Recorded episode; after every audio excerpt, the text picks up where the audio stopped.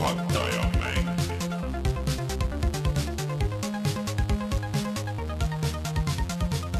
tere tulemast, on reede, kahekümne üheksas mai aastal kaks tuhat kakskümmend ja on aeg puhata ja mängida. mina olen Rainer Peterson, minuga täna siin Rein Soobel, tere. Martin Mets, tere, kes kõlab nagu kulda oma uue mikrofoniga. ja eh, jätkuvalt siis eh, on meil käimas eh, siis Eesti mängude kuu ja täiesti viimane saade siis selles seerias ja meil on külalisena mänguarendaja Riho Peterson. tänan kutsumast. palun, palun. aga Riho teeb sellist huvitavat projekti nagu Office, Office Management one on one, et tee meile see elevator pitch nüüd äh, kolmekümne sekundiga kiirelt äh, siia saate algusesse. satiiriline kontorisimulaator eh, või taikuunmäng, mis leiab aset eh, fiktsionaalses maailmas, niisuguses düstoopilises maailmas. Äh, ühesõnaga ajad oma business'it, ehitad kontorit, haldad inimesi, teed tooteid, müüd, teed turundust ja nii edasi. ühesõnaga kogu kontseptsioon, mis praegu maailmas lendas õhku, et inimesed enam kontorites ei käi, et Jaa. see on see nagu Jaa. vanasti asi käis. ja et võib-olla see ongi nagu nüüd nostalgiline sihuke, et kui see välja tuleb, siis on ja- retromäng. Retrotemaatikad. aga Rihoga tuleme varsti kohe tagasi ja siis äh, räägime pikemalt mänguarendusest ja, ja Office Management one on one'ist ja selle loost ka. Aga enne käime läbi kõik need kohustuslikud asjad siia algusesse ehk siis, et äh, meid leiab nagu ikka SoundCloudi, Spotify'st, kõikidest äh, podcast'i äppidest. Ja siis meid toetada saab äh, Patreonis, patreon.com, kaldkriips puhata ja mangida. kui tahate särke, siis mõned särgid on seal veel. kui tahate tulla meiega Discordi chat ima, siis äh, läbi Patreoni on see võimalus ja siis äh, eraldi muidugi tahaks tänada Taavit, Margust, Feilissit ja Jaaku ja otse loomulikult kõiki, kes meid on toetanud või äh, teevad seda ka praegu, sest et äh, ajad on rasked ja, ja hindame igat, igat summat, mis meile sealt äh, vaikselt tuleb, et äh, see võimaldab meil teha neid asju, mida me teeme. aga siis äh, meie Youtube'i kanal Youtube.com, kaldkriips puhata ja mangida, nüüd terve maikuu on ka läinud äh, ainult Eesti mängud sinna ja nüüd siis äh, viimane mäng, mis läheb, on siis Void Ship äh, The Long Journey jah, või The Longest. või, The Longest, ei, kumb ta on? long, Long Long Journey ja teine on, ma just äh, video, video vaatamise ajal hakkasin mõtlema, et kas need kaks Eesti mä- mängu nagu tõesti oma nimega tekitasid siukse rivaliteedi nagu, et üks on nagu longest ja teine on shortest. just. äh, aga siiski jah, long journey. et äh, ma ei tea, Rein, tahad sa midagi öelda veel siia selle mm,, me oleme sellest rääkinud juba siin eraldi veel ja räägime videos, aga, aga selle video kõrvale. No tegu on siis äh, Eesti kosmosemänguga, mis natuke meenutab FTL-i, aga mit, mitte, mitte see teine Eesti kosmosemäng, natuke meenutab FTL-i, vaid see on siis see, Mhm. see üks neist. et äh, me jagasime isegi ära neid äh, Voidshipi koode üksjagu siin ja et paljudel inimestel oli võimalus proovida, aga Mhm. noh, vaadake videot, kui tunnete, et see on midagi teile, siis kaksteist eurot, ma arvan, võib selle peale kulutada küll. Just. ja loodetavasti varsti on siis video üleval, kui juba ei ole. vot, aga Rein, sa mis seda ka meil, mainisid, mis meil eelmine nädal oli, onju?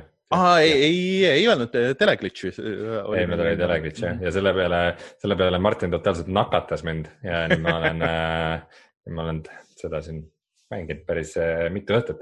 ma olen level kaheksas, Martin, kas sa oled käinud level kaheksas? ei ole vist mälu järgi, ma arvan, et ma, võib-olla ma ei mäleta, kus ma jõudsin. Kuus kindlasti, seitse võib-olla, kaheksa ei usu. okei okay., ma arvan, et ma olin kaheksas eelmine kord ka, kui ma, kui ma, kui ma pikemalt mängisin kunagi seda, aga äkki nüüd jõuaks lõpuni, vist kümme levelit peaks olema, kui ma ei eksi. ja vähemalt alguses oli kümme, ma ei tea, kas nad selle mingi nende lisaasjadega kuidagi see Time More Edition, kas sinna tuli midagi juurde või ei tulnud, ma ei. seal on nagu. alternatiivseid teid, aga ma ei tea, sellest võime pärast okei rääkida., aga jah, ühesõnaga, et enne kui räägime Rihoga siis äh, pikemalt, siis äh, Rein, mis meil teised teemad veel on? Äh, täna me räägime siis ähm, noh, peamiselt muidugi Riho Petersoniga ja Office Management One on One'ist ja muidu mänguarendusest. aga siis me räägime ka sellest, et BlizzCon on cancel datud Playstation siin lubab kohe midagi näidata. Mafia kolme remaster on tõsine Mafia kolmemine äh,. Rein proovis Gamepassi ja räägib oma sekeldustest sellega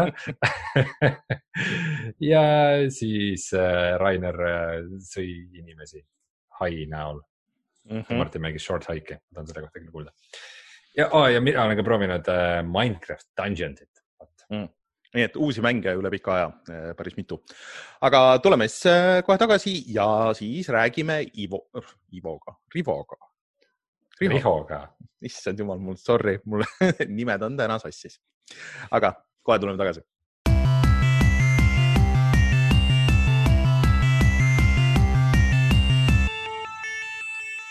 niisiis, Riho Peterson, eh, ei ole sugulased, eh, seda võime kohe alguses vist eh, öelda, et. oota, aga lähme kohe asja nii juurde. nii palju, kui ma tean, siis tõesti jah. Aga lähme kohe asja juurde, et Office no, Management One on One, ma nägin seda mängu esimest korda väga ammu. nüüd on ikka konkreetne küsimus, et millal see välja tuleb? ma ei, ma ei taha sellele vastata praegu, kui aus olla. kas me räägime nagu sellest aastast või räägime veel viie aasta pärast? ilmselt mitte viie aasta pärast. Ehm, kui, kui majanduse olukord eh, oleks püsiv, siis võib-olla võiks sellest, ehm, sellest aastast rääkida küll. Eh, aga noh, praegu on, ütleme, suur teadmatus sellest, et mis saab sügisel eh, ma ei mõtlegi mul isiklikult, vaid ma mõtlen just, mis saab majandusest üle maailma. kuidas, kuidas see mõjutab sinu mängu? See mõjutab selles mõttes, et nagu noh, ütleme, kui majandus läheb üle maailma põhja, et siis on küsitav, kas on mõtet nagu mängu välja anda, kui potentsiaalsetel ostjatel pole tööd või on veel hullem seis. Aga ma ütleks, et see, see on nagu perfektne mäng selle jaoks, et kui. jah, ma saan aru, aga noh, kui, kui, kui praegu ütleme aasta see esimene pool on pigem olnud mänguarend-, mänguarendajatel hea selles mõttes, et äh, mängude müügid on, on üsna suured olnud, sest inimesed istuvad kodus, midagi teha ei ole, eks ole. USA-s vist löödi juba esimeses kvartalis rekord, kus ei olnud ja. seda aprilli veel seeski Mm -hmm. aga, aga mingi hetk saavad inimestel need säästud otsa ja siis äh, ma eeldan, et, et see raha kulub pigem esmatarbekaupade peale aga noh, ega seda ei tea, see on nagu üks asi, millel ma silma peal hoian, kui, ähm, kui see ei realiseeru niimoodi, siis ähm, ma arvan, aasta lõpupoole võib kaaluda küll selle väljaandmist ikkagi äh, mingil early access'i kujul siis. põhimõtteliselt mäng on piisavalt valmis, et välja anda, sa lihtsalt ootad õiget momenti. Eee, mitte võib-olla päris, aga ta on olnud üsna nagu heas äh, noh, mängitavas staadiumis juba, juba päris pikka aega tegelikult, et ma pigem nagu noh, viimistlen nokitsen rohkem. ma, ma kohe räägin nagu e-, e-, enda isikliku mälestuse ära seoses ähm, siis, ma ütlen selle nime kogu aeg valesti, Office Management äh, One on One'iga, ma tahan kogu aeg öelda Office Master, sest see on mu tool on see Office Master. igatahes äh, see oli mängude ööl äh, Coca-Cola Plazas ja seal oli üsna palju indi, Eesti indie-mängu arendajaid. Äh, ja ma arvan, et see võis reaalselt olla kuus aastat tagasi. Äh, sest et äh, see oli esimene kord siis seesama mängutöö, kui ma esimest korda Eestis, siis peale meie seda Soome digiekspo väikest reisi, ma esimene kord Eestis proovisin VR peaseadet. et see oli ikka väga-väga-väga ammu. ja kui sa ütled, et see kuus aastat tagasi juba mingis staadiumis mängitav ja nüüd, nüüd on, nüüd, nüüd ka, et noh. aga räägi äh,, räägi, räägi meile, mida, mida, mida üks mäng. see lugu ära, et miks see nagu nii kaua aega võtab ja mitmekesi te seda üldse teete? ja mitmes versioon see sellest mängust? ja nagu kui on? suur see asja skaala on, et, et seda on natuke selle järgi nagu raske hinnata äh, jah, no skaala on äh, ilmselt üsna suur äh, selliste ähm, piiratud võimaluste juures, nagu mul on. et suurem osa ajast ma teen seda oma pead. Ehm, mind on siin jõudumööda aidanud äh, mu vend, kes on äh, meil siis ettevõtte teine pool aeg-ajalt ja, ja samuti on aidanud äh, Edvin Aedma, kes teil siin paar nädalat tagasi saates käis, kes on siis noh, ka umbes sarnases rollis, nagu ta on näiteks Circle Empire'i puhul, et produtsendi rollis siis. okei okay aga, aga see suurem osa ajast ma tegelen sellega ise äh, ja tegelen, ma alati öelnud, et see on, see on hobi, et ma ei tee seda nagu tööna. Äh, ehk see on siis nagu üks oluline põhjus, miks ta nii kaua on aega võtnud, et ma noh, ma ei, ei tegele igapäevaselt sellega, kohe kindlasti mitte. kas see siis ma on nokitsen umbes, siis, kui tahtmist on, viitsimist on ja ja, ja eesmärk on pigem, et, et ma ise naudiksin seda, kui et, et see nüüd tingimata võimalikult kiiresti välja tuleks. aga et kas siis sihid on umbes nagu sellel Stardew Valley'l, et kus üks mees üksinda arendas seda viis aastat ja ka saja muu asja kõrvalt ja siis, kui see tuli välja, siis see on üks edukamaid siukseid väikseid simulaatoreid üldse, et kuigi noh, ütleme senised numbrid, mis, mis on nagu näha selle kohta, noh, Steam'i wishlist'i numbrid näiteks on pigem paljulubavad, aga, aga ma nagu ei, ei mõtle üle selle peale või, või noh, see edu ei ole, ei ole minu jaoks kõige, kõige olulisem, ma mõtlen see Mm. müügiedu siis. et selle mängu lehekülg on Steamis üleval, et kes tahab vaadata Office Management one on one, saab wishlist'i panna ja siis sealt saab ka näha, et milline see välja näeb. no kes meie videoversiooni vaatavad, siis äh, ma siin praegu panen kaks tuhat kaheksateist aastal Youtube'is äh, lindistatud gameplay videot äh, siia taustaks vaikselt, aga äh, et mulle Aga juba mis- selle pealt tundub see täitsa mängitav ju. ja seda demo siis- saab mängida siuksel lehel nagu itch.io äh, Mhm. eh, sealt kas otsid Office Management One on sealt üles või siis mängu kodulehel on ka lingid olemas. see on siis officemanagement101.com. aga räägi nüüd see ära, et kuidas sa selle hobini siis ikkagi jõudsid kuus aastat tagasi? Eh, selles on suureski süüdi ka mu vend. ma olin just, just eh, töölt ära tulnud ja siis oli nagu sihuke periood, kus nagu ma ei osanud endaga midagi peale hakata, nagu ei tahtnud sinna kontoritööle tagasi minna. sest see kuidagi nagu oli ammendunud minu jaoks, veebiarendusega ma peamiselt tegelesin sel ajal. ja siis ma käisin nagu otsisin, et kas mingi startup'iga liituda või nagu mingeid siukseid asju. aga siis üks, üks hetk oli, oli vend mul külas mingiks paariks päevaks. ja siis ma vaatasin, et ta nokitseb mingit arvutimängu teha seal omaette. Ja siis ma nagu imestasin ja vaatasin, et, et tema saab nagu hakkama küll, et mina nagu olen programmeerija taustaga, eks ole, temal ei olnud üldse mingit sellist tausta, et ta oli pigem nagu tõlketöödega ja sellistega tegelenud. ja vaatasin, et tema saab hakkama, et no mis mul häda siis mängu oleks teha. ja võtsin ja, ja hakkasin ka katsetama. ja sealt see Office Management One on One siis sündis, et ma mõtlesin, et ma ei hakka nagu venna kandadele otseselt astuma, sest et noh, tema projekt oli natuke teistsugune sel hetkel ja noh, oligi mõte, et siis proovida teha kommertsmängu. aga kindlasti ma ei arvanud sel hetkel, et see kuus aastat aega võtab või, või rohkem. et ma tahtsingi just küsida, et äh, miks sa ei ähm,, miks sa siis ei teinud niimoodi, nagu kõik ütlevad, et tegelikult võiks teha ja peaks tegema, et äh, võtad ühe väikse kusjuures projekti. ma ise ka, kui keegi küsib, ma ütlen samamoodi, et äh, alustage, alustage väiksemast, et omast kogemusest no,. aga Office Management, hoolimata sellest, et sa oled seda siin kuus aastat nokitsenud, ei ole sul ju kaugeltki mitte ainus mänguprojekt, et äh, sa oled päris sage külaline igasugustel game jam idel ja ma saan aru, et sa teed ka siis äh, allhanget nagu igasugustele muudele mänguprojektidele. vastab tõele jah, nii, nii mina kui, kui Raimo siis, kui mu vend teeme seda, et oma ettevõtet siis pinna peal hoida, elus püsida siin ja oma, oma äranägemise järgi siis elada, et, et ei peaks seda tavalist kontoritööd tegema. mina viimasel ajal olen teinud ka siis allhanke korras Minecrafti serveri pluginate arendust okei okay. ühe Ameerika Minecrafti serveri jaoks, kus on siis sihuke rollimängule keskendunud äh, gameplay rohkem. ja neil on terve rida hunnik äh, siis custom plugineid, mida ma aitan siis neil nüüd siis peaarendajana teha. Midagi huvitavat veel?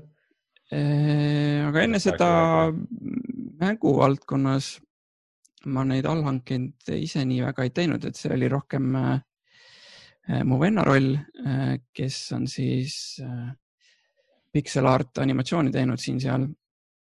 Äh, ja nüüd viimane asi, mis, äh, mis meil õnnestus käed lüüa, äh, on niisugune firma nagu Clifftop Games, ähm, kes on varasemalt teinud mängud Cathy Rain ja Whispers of a Machine, mis on siis point and click adventure mängud, üsna, üsna palju kiidetud see on väga huvitav, sellepärast et ma just eile esimest korda panin selle mängu käima, et kuidagi varem ma ei olnud seda näinud, see Whispers of a Machine, et see on selline hiirekliki seiklus, piksline, aga seal on sellised mõned tasandid juures, mida tavalistes hiirekliki sellistes trillerites ei ole, et mulle tundus kohe väga huvitav see tegelikult. Häbiga pean tunnistama, ma ei ole ise kumbagi veel mänginud aga, aga ühesõnaga jah, et Raimo siis äh, sai omale rolli animaatorina nende juures Äh, siis osalise tööajaga, et vaatab, kuidas nagu see läheb, aga ta on jah, varasemalt ka sarnaseid äh, projekte teinud äh, siin üksjagu. kõikidest kahjuks ei saa rääkida, sest need ei ole veel välja kuulutatud asjad. Aga see on muidugi tegelikult huvitav teema, millest me siin Eesti mängude kuu raames ei ole väga palju rääkinud, et võib-olla kui tavainimene kujutab ette ühte mänguarendust, see tundubki, et nii, et nüüd noh, mäng on niisugune nagu toode, et mingisugune kontoritäis inimesi tuleb kokku, istub maha ja teeb seda, aga tegelikult niisugust nagu mingite asjade sisseostmist ja niisuguseid allhankeid ja, ja ongi, et noh, et umbes mm, mingid asset'id tulevad ühest firmast, mingid teisest firmast, et, et, et see on ikkagi mängumaailmas suhteliselt tavaline, tavaline nagu viis, kuidas asju teha Äh, jah, näiteks Eestis üks ettevõte, mul ei ole nüüd see nimi meeles. Ringtail aga... vist on. Jah, Subnautica näiteks oli äh, suures osas nagu nende, nende graafika peale tehtud. et neid, äh, selliseid ettevõtteid Eestis on. ja, et tegelikult enamikel suurtel mängudel tegelikult on sellised, näiteks nimetatakse white label, sellised arendajad, sellised kummitusstuudiod, kes tegelikult seal taustal tihtipeale sellise musta töö ära teevad suures osas. Ei no kui näiteks vaadata, kõige parem näide on äh, kõik Naughty Dogi mängud ja kui sa vaatad tiitreid, noh, see Naughty Dogi list on suhteliselt lühike ja siis hakkab see outsourcing, siis on. no vaata, seal on meil viisakalt kirjas nagu. see, seal on see viisakalt see outsourcing kirjas, aga paljudes kohtades tegelikult ei ole seda kirjas mm. -hmm aga see sõltub see... ka kokkulepetest ka, et, et võib-olla selle arvelt saadi rohkem raha jälle, et kui, kui nime ei mainita Ubisofti see um, uus Assassin's Creed, see Valhalla, et uh, kui nad selle välja kuulutasid, see oli ka umbes aitäh kõigile kuueteistkümnele stuudiole, kes seda teevad see on ikka jõhker ja mõtle, see läheb uh, nende uute konsoolide ja uute mängudega, see läheb ainult suuremaks ja, ja hullemaks nagu, et need protsessid lähevad võib-olla nagu natuke paremaks, aga lihtsalt see mahud lähevad nagu nii palju suuremaks. aga tegelikult tahtsin korraks meil chatis käis läbi küsimus, et, et kui sa alustasid kuus aastat tagasi, siis kuus aastat tagasi tegelikult oli äh, see mängumaailm nagu natuke teine just nende tasuta mootorite ja kõige selle poolest, et, et noh, praegu on äh, nagu, kui sa hakkad uut mängu tegema, sul on vaba valik, et kas sa teed Unrealis, kas sa teed uh, Unitis, kas sa teed GameMakeris või sa hakkad ise nullist nagu midagi programmeerima, mis on alati nagu ikkagi võimalus. aga kuus aastat tagasi Unreal ja Unity ei olnud nagu nii kergesti kättesaadavad, et mille peal sina üldse alustasid? Äh, Office Management One on One jookseb siukse mootori peal nagu LeapGDX, äh, mis on Java põhine mm. -hmm. ma alustasin seda üldsegi tegelikult mobiilimänguna. ja see oli noh, Java ja mobiil nagu on, eriti Android on nagu noh, käivad käsikäes nii-öelda. siis see tundus nagu sel hetkel mõistlik valik ja see oli tasuta ja open source nagu noh, library siis mm. -hmm Siis see valitud äh, out of the box seal on ka tegelikult üsna nagu mõistlik äh, featuuride hulk, et äh,, et noh, üksjagu siukseid asju nagu noh. aga mis, mis sa tänapäeval teed? ja pathfinding ja, ja mingid siuksed asjad, et, et see, see tegi nagu mingid asjad lihtsamaks aga noh, aja jooksul selgus, et, et see on pigem ikkagi PC mäng kui mobiilimäng ähm,, mida aeglasemaks ta mul ähm, siis nendel äh, mobiilsetel seadmetel jäi äh,. ja, ja, ja noh, nii see Leap GDX sinna jäi, et noh, jah, kui ma praegu alustaks, ma kindlasti valiks midagi muud. aga sa, aga praegu ikkagi et seda Javas siiamaani? ja, sest ei ole mõtet nagu poole pealt äh, seda hobust vahetada, ma arvan Jah, see ma- tihtipeale nagu on, on suur häda olnud mängude puhul. mul on üks sõber mänguarendaja, kes teeb VR-mängu juba no,, võib-olla isegi kauem kui sina seda office management'i. mitte vist päris, aga ikkagi päris kaua ja siis nagu põhieasi, mis ta räägib iga kord on see, et jah, et Unity'st tuli uus versioon, et äh, see, seal on üks hea ja uus feature nagu, mis jube hästi sobib minu mänguga. ja siis ülejäänud aasta läheb selle peale, et kõik need muud asjad ka panna klappima selle uue Unity versiooniga, et nagu need kõik, mis katki läksid selle peale, et ähm,.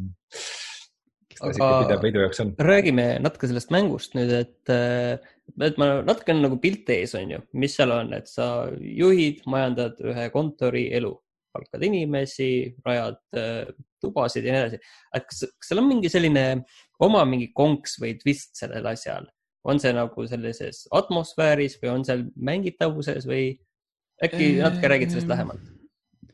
no üks asi, millega ta veidi tähelepanu on püüdnud omas nišis, on see graafika,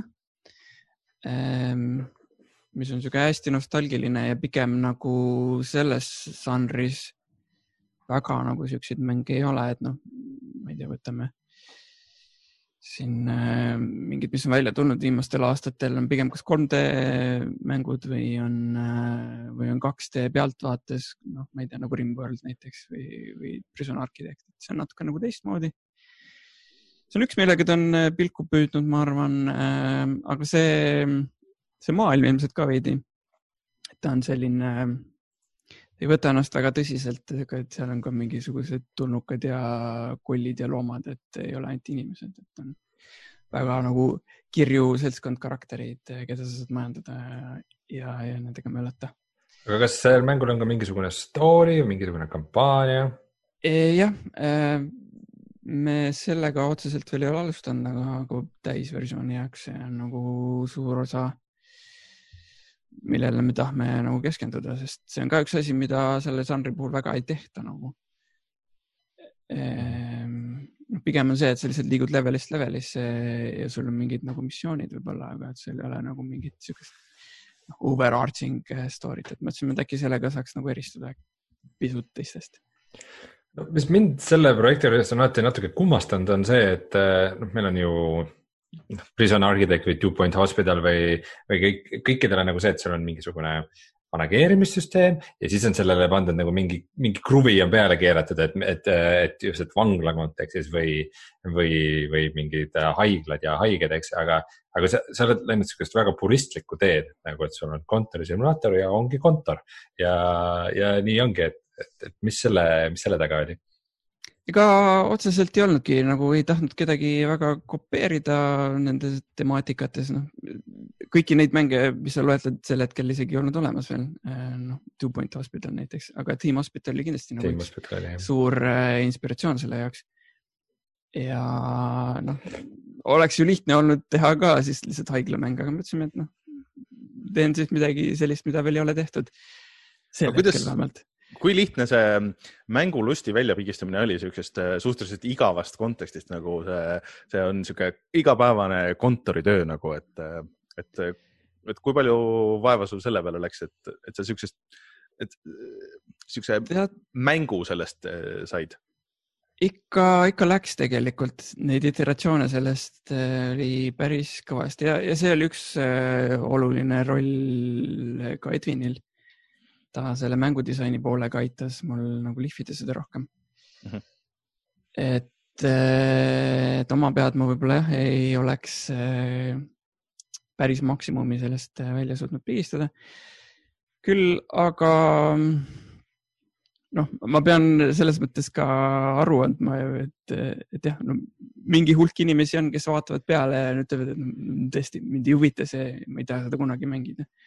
Aga õnneks on nagu mingi hulk hardcore selle žanri mängureid, kes, kes täpselt just seda tahavad.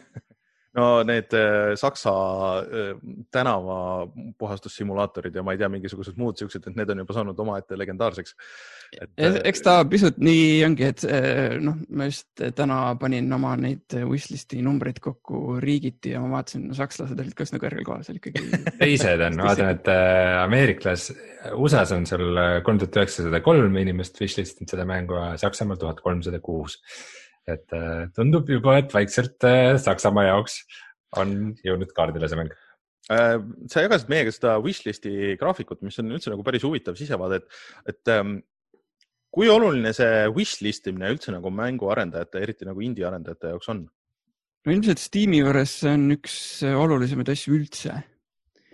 et see on suur osa, mille peale need Steam'i algoritmid on üles ehitatud ja seal umbes hinnatakse, see on nüüd küll noh, ka ajast sõltuv, aga, aga ta on hinnatud, et et esimese mingi nädala kuni kuu jooksul äh, ostab umbes äh, kuni kakskümmend kuni viiskümmend protsenti sama arv inimesi, mis sul wishlist'is on et mitte need inimesed tingimata, kes, kes on wishlist inud seda mängu, aga mm. et see nagu, need müüginumbrid on umbkaudu nagu võrreldavad umbes sellise vahemikuga. no hiljuti oli üks juhtum, mis pandi nagu suure kella külge, kus üks äh, indie arendaja kurtis, et tal oli sada tuhat inimest wishlist mängu ja kui see välja tuli, siis müük oli reaalselt seal alla viiesaja, et ähm, jah, eks neid erandeid alati on ja noh ilmselt see on ka võib-olla väike märk sellest või hoiatus sellest, millest ma just enne rääkisin, et inimesed võib-olla natuke mõtlevad vahepeal juba, et kas nad tahavad ikka kõike osta, mis, mis, mis neil on. no ma arvan, et oleneb ka sellest, et mis trikiga võib-olla need inimesed sinna wishlist'i külge on nagu saanud. vastab ka tõele jah et äh, selle mängu puhul hästi palju tuli neid vist äh, demo mängimisest ja võib-olla oli seal faktor see, et nad äh, või see demo nagu oli piisav juba nende jaoks, et nad tundsid, et nad sellest täismängust ei saa enam nagu midagi täiendavat juurde no siis on väga hea, kui need on sellised orgaanilised wishlist'i sattunud inimesed. aga mina igal juhul saan sellest kontrimajandamise teemast igal juhul päris hästi aru, mida rohkem ma nagu ise tööl olen seda seestpoolt näinud, et, et see on tegelikult väga sür ja keeruline maailm, neid kõiki väikseid asju nagu omavahel klappima saada. eriti kui tulnukad on mängus see veidi, et noh, mida keegi leiab üldse selles, need on väga, väga erinevad nagu asjad, et noh, see demo põhjal ma olen ka näinud, et inimesed mängivad väga erinevat moodi seda. noh, mõned inimesed on siuksed, kes, ma ei tea, kes Simsis äh, armastasid äh, äh, seal basseinil redelit ära võtta ja oma Simsi uputada, eks ole, et äh, noh, mingi hulk tahavadki mänge niimoodi mängida, eks ole. et ühesõnaga lõputu koosolek, et võtad koosolekuruumilt võimalikult palju kiusata oma töötajaid kuidagi. Ja Dropboxi blogi väga kummaline koht, kus nagu sellest eh, Office Management'ist kirjutada, aga kirjutas mingi aeg tagasi Office Management One on One'ist. Eh, ja nemad kuidagi ütlesid selle kohta niimoodi, et, eh, et, et see mäng on hästi, inglise keeles oli sinister, ma ei tea, mis see hea vaste eesti keeles võiks olla. pahatahtlik ju on. halvahindeline. kuigi noh, ma ei ole nagu meelega seda nii disaininud, aga ei, mõni midagi... inimene võib-olla näeb seda nii no, ja. saab lõigata kurki või võib ka inimesi tappa, et. ühesõnaga, et nad võrdlesid seda nagu pahelisust GTA-ga, et kuidagi nagu sama, sama efekt, et, et GTA-s kurikaela mängida on umbes sama nagu Office Managementis halba bossi aga mida rohkem ma praegu mõtlen, seda, seda rohkem mul on tunne, et just eh, võib-olla see varsti see mäng välja anda, tegelikult see on just väga hea aeg. kus inimestel on seal, kellel on teatud määral viha selle vastu, et peab uuesti sinna kontorisse tagasi minema ja, ja kelle jaoks on selline nostalgia, et oi, vanasti see koosolek seal ei lõppenud ära lihtsalt mm,. kas, kas ikka töönumbreid saab saata pärast äh, iga, iga päeva õhtul töönumbreid? töönumbrid, mis sa mõtled selle all? ei no paned kirja, et mis sa siis tegid päeva jooksul täpselt või, või vi- ideaalis viieteist minuti täpsusega. kas te ei ole see olnud siis sellises kontoris tööl? Mina olen kahjuks. kahjuks olen ja no vot, vot, et ma loodan, et see on mehaanikana ikka olemas, et see on ikka. tunni aruandlus ja tunni aruandlus. ja kindlasti Aga- peab saama teiste no inimeste see võileibu ära võtta. aga et minul näiteks Prison Architect eh, meeldib siiani väga, et kas siis mulle tõenäoliselt meeldib Office Management eh, one on one? no jah, tore kuulda. ei, ma mõtlen, et, et, et kas ta nagu on sarnane selles mõttes, et, et kas ta nagu peaks meeldima siis mulle. mulle nagu, ma arvan, et meeldib, aga noh, ma ei ole, ma ei ole mänginud, ma ei ole seda demoga mänginud, ma pean tunnistama, ma ei teadnud, et see on olemas. ütle jah. ja see no on see, pigem, see on see hetk, kus sa pead müüma pigem ma arvan jah, et äh, ma ei, ma ei tunne su mängu maitset nii detailselt, et ma saaks seda sulle sada protsenti lubada. aga ma arvan, et proovi järgi, et see ei, noh, see ei ole nii suur ajakulu ju, eks ole. see demo õigesti, nüüd nii pikk ei ole, et, et seda noh, päevadeks mängima jääda. kas ma saan õigesti aru, et, et Steamis selle demo kätte ei saa, et selleks peab ainult. Steamis veel ei ole jah, see on ka okay. tahtlikult nii. ma arvan, Steam'i panen noh, võib-olla mingi kuu jagu enne mängu reliisi selle demo. okei, tahtsin et, see on nagu strateegia, et nagu siis sa tekitad bassi ja siis okei, okei, okei, saan aru. aga ma just tahtsingi küsida, et äh, miks sa siis ei ole juba välja tulnud selle nii-öelda early access versiooniga, kui see mäng on nagu nii palju mängitav, see tegelikult on wishlist itav, see demo on sisuliselt juba olemas ja sa noh, sa ju ei hoia kõike seda vaka all, et sa isegi teed päris avalikud äh, need, sul on Youtube'i striimid, kus sa räägid äh, ja näitad seda koodimist ja seda mänguarendust nagu kõike, et, et, et miks sa siis ei ole lasknud inimestel juba osta seda nii nagu on, et see on ju nii äh, tavaline tänapäeval. noh, nii ja naa, eks eh, ka early access'i puhul see tasub ikkagi võtta, noh, öeldakse, et see tasub võtta nagu päris launch'ina ikkagi. et mm -hmm. noh, see early access'i nimetus või tag selle juures, noh, see selleks, et inimesed ikkagi hindavad seda noh, mingite kriteeriumite järgi. et kui sa seal fail'id, siis see on suur võimalus, et fail'id nagu täielikult. Et ses mõttes äh, ma olen kasutanud seda tagasisidet, mis ma demost saanud äh, ja siiamaani saan, et, et seda mängu paremaks teha. ja see on seni nagu olnud piisav tagasiside juba, et, et seda edasi arendada. kui sa nagu iga päev. ühesõnaga, see nagu rahaline pool ei ole, ei ole nagu takistus olnud seni, et noh, see on üks põhjus, miks äh, mänguarendajad tihtipeale kiiresti oma mängu early access'isse üles viskavad, eks ole. Kuna ma nagu neid muid töid nagunii teen eh, ja mul on sissetulek sealt, et siis ma ei pea nagu sellega otseselt kiirustama selle launch'iga liiga, liiga varasest staadiumis välja andma. ma saan aru, Riho, varasest staadiumist muidugi on naljakas rääkida. ma saan aru, Riho, et nagu see, millest me siin oma entusiasmiga võib-olla nagu veidi valesti aru saame, on see, et, et sinu jaoks see hobi mänguarendus ongi nagu veidikene niisugune nagu elu, elufilosoofiline küsimus või et sa meelega oled valinud sellise lähenemise no,? pigem selle mängu puhul küll jah, ega ma ei välista, et ma teiste mängude puhul seda kuidagi nagu teisiti ei võiks teha, aga mm -hmm. ma ei taha seda või ei ole seni tahtnud seda täiskohaga teha. kuigi noh, kõik võimalused sellest oleks alati olnud.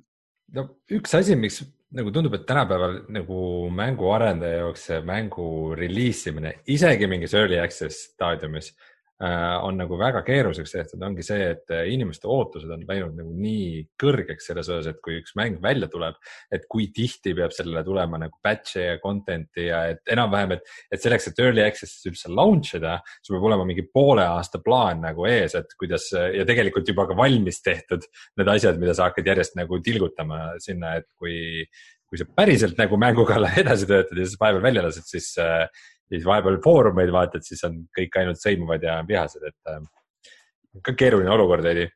no eks ta pisut on, aga samas noh, see ongi, elu on alati nii raske, kui sa, kui raskeks sa ise endale selle teed, eks ole, et mm. -hmm. et kui ma oleks varem selle, aastaid varem selle early access'is launch inud võib-olla, siis mul oleks no, samad mured, eks ole, praegu mul ei ole neid muresid. aga öö, anna siis, kõik teised on seda teinud, et anna alustavale mänguarendajale võib-olla paar niisugust näpunäidet, et mida sina tahaks praegu, et olles nüüd juba siis mingi kuus aastat vähemalt seda teinud, on ju, ja, ja ma olen saanud tagasisidet päris palju, et meie see Eesti mängude kuu on olnud väga inspireeriv ja, ja võib-olla pannud mängu tegemise mõtted pähe inimestele, seda võib-olla nagu ei olnud, aga aga anna paar niisugust näpunäidet, mida sa soovid, et sa oleks ise teadnud siis, kui sa alustasid esiteks seejuures ma tahaks mainida, et aitäh, et te seda mänguarenduse Eesti mängude kuud olete teinud üldse, et see on väga tänuväärt ettevõtmine. aga, aga üks asi, milles seni Eestis noh, ütleme edukad mängud ja, ja ülejäänud Eestis tehtud mängud võib-olla eristuvad selgemalt on, ähm, on see turunduse pool äh, ja sotsiaalmeedia pool, et need, kes äh, seda võtavad äh, noh, mingil määralgi tõsiselt, need on ka läbi löönud ja need, kes sellega ei tegele, need on siis noh, ka nii-öelda unustusse vajunud. et noh, leia oma see kanal, ähm, see keskkond, mis sulle mugav on, mina olen seda äh, nüüd viimasel ajal äh, Twitch'i striimide kujul teinud, äh, mida ma iganädalaselt siis äh, teen mängu arendamisest Aga.... nagu, nagu päriselt striimid seda, kuidas sa programmeerid? no programmeerin, teen muusikat mängule, joonistan graafikat mängule, et iga nädal see nagu sõltub, ma isegi mängumehaanikaid olen disaininud selles striimis või noh. okei okay., äge Office et... Management one on one komist äh, näeb näiteks viimast striimi, mis on kolm tundi pikk. ma juba siin nägin koodi akent. jah et äh, sealt leiab nüüd üles selle, selle nädala oma tegelikult tuli ka täna üles, nii et kes tahab, saab vaadata. Äh, anyway ähm,, ühesõnaga leida nagu oma see väljund, mis sulle sobib, et noh, ma olen ka igasuguseid asju proovinud, ma alustasin blogimisest selle mängu raames Ehm, Twitteris tegin mingi aeg päris palju tööd selle nimel, ehm, Discord kindlasti. Ehm, ja veel üks asi. noh, sotsiaalmeedia nii või naa avab igasugu uksi, et eh, tasub leida kommuune, kus aktiivne olla ja suhelda, et sealt sa leiad eh, tihtipeale ka nagu inimesi, kellega koostööd teha erineval, erineval vormil, et eh, pluss veel äh, nõu ja, ja, ja muu jagamist, et äh, kes, kes vaatajatest veel ei ole Eesti mänguarendajate Discordis, tulge sinna kindlasti. soovitan ka. Äh, jagame seal igasuguseid huvitavaid nõuandeid ja asju, tähelepanekuid. Ähm, aga noh, muid kanaleid veel, näiteks Game Dev Reddit on väga hea infoallikas ma, selle jutu peale ma küll äh, tooksin välja ühe, ühe ohukoha, mida ma olen ise näinud äh, päris palju mänguarendajate puhul. et kui mänguarendajad äh, liiguvad ringi liiga palju nagu teiste mänguarendajate seltskonnas ja küsivad liiga palju nõu mängu kohta just teistelt mänguarendajatelt, siis kipub vahepeal, mulle tundub minema natukene fookus käest ära selle osas, et kellele see mäng lõpuks mõeldud on. sest teised mänguarendajad ei ole ju need, kes on sinu mängu lõpuks audience ja siis ja need asjad, mida nemad hindavad, on, äh, on hoopis teist laadi kui see, mida, mida mängija hindab.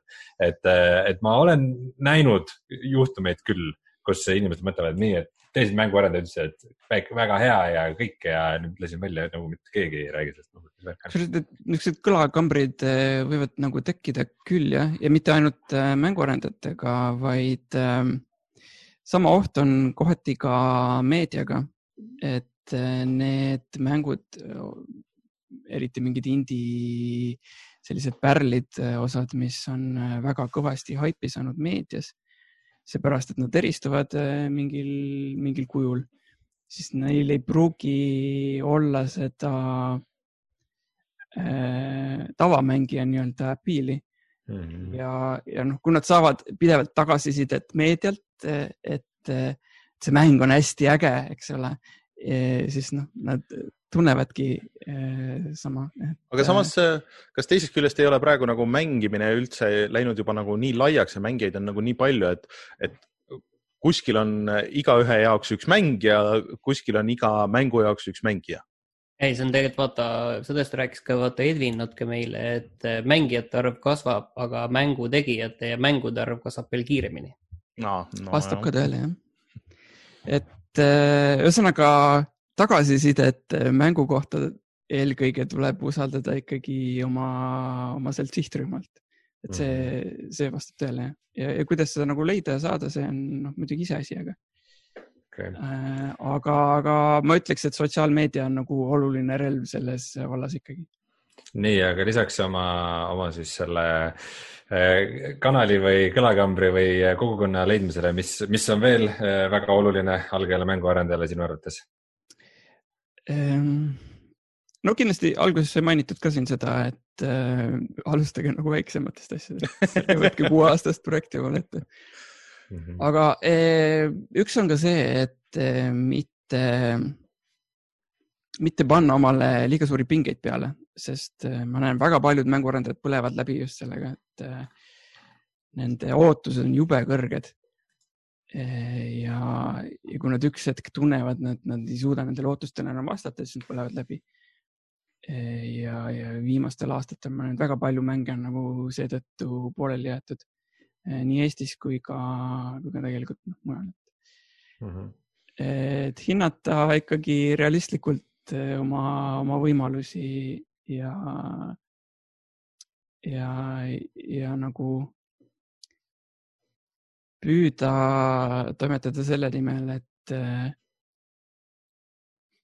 et see ei ole nagu eh, noh, kas käsi kullas või eh, pea mullas, eks ole.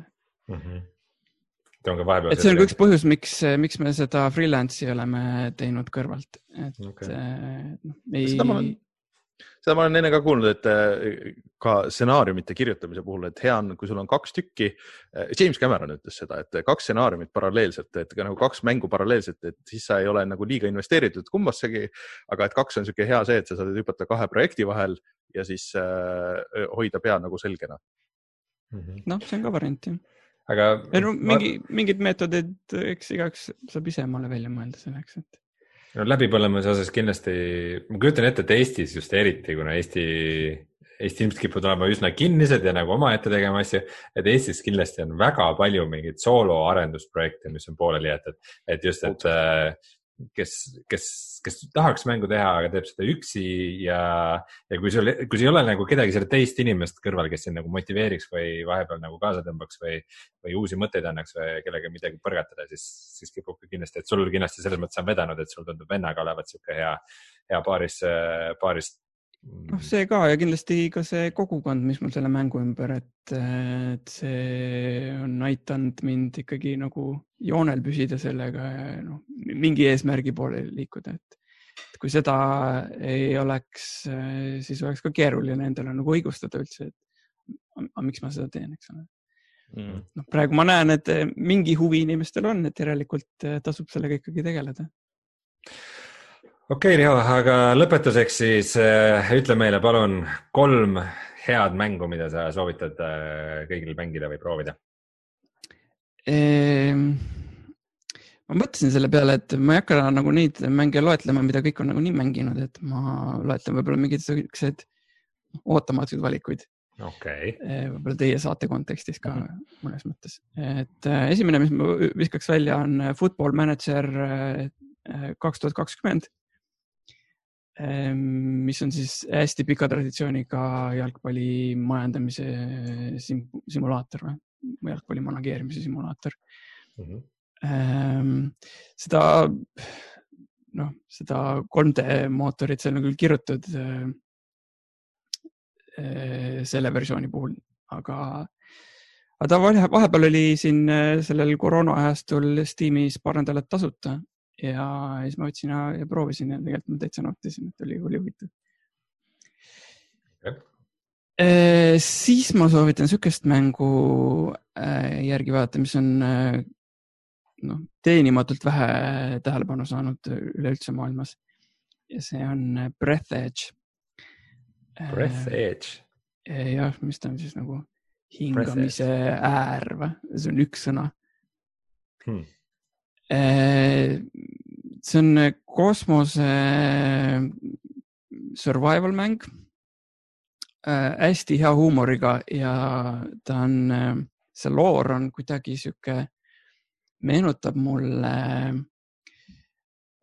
äh, neid vanu nõukaaegseid ulmekaid. et, et see atmosfäär mulle just ja see huumor mulle õudselt, õudselt istus seal. see Stellaris ja mingid siuksed asjad sees mis asi?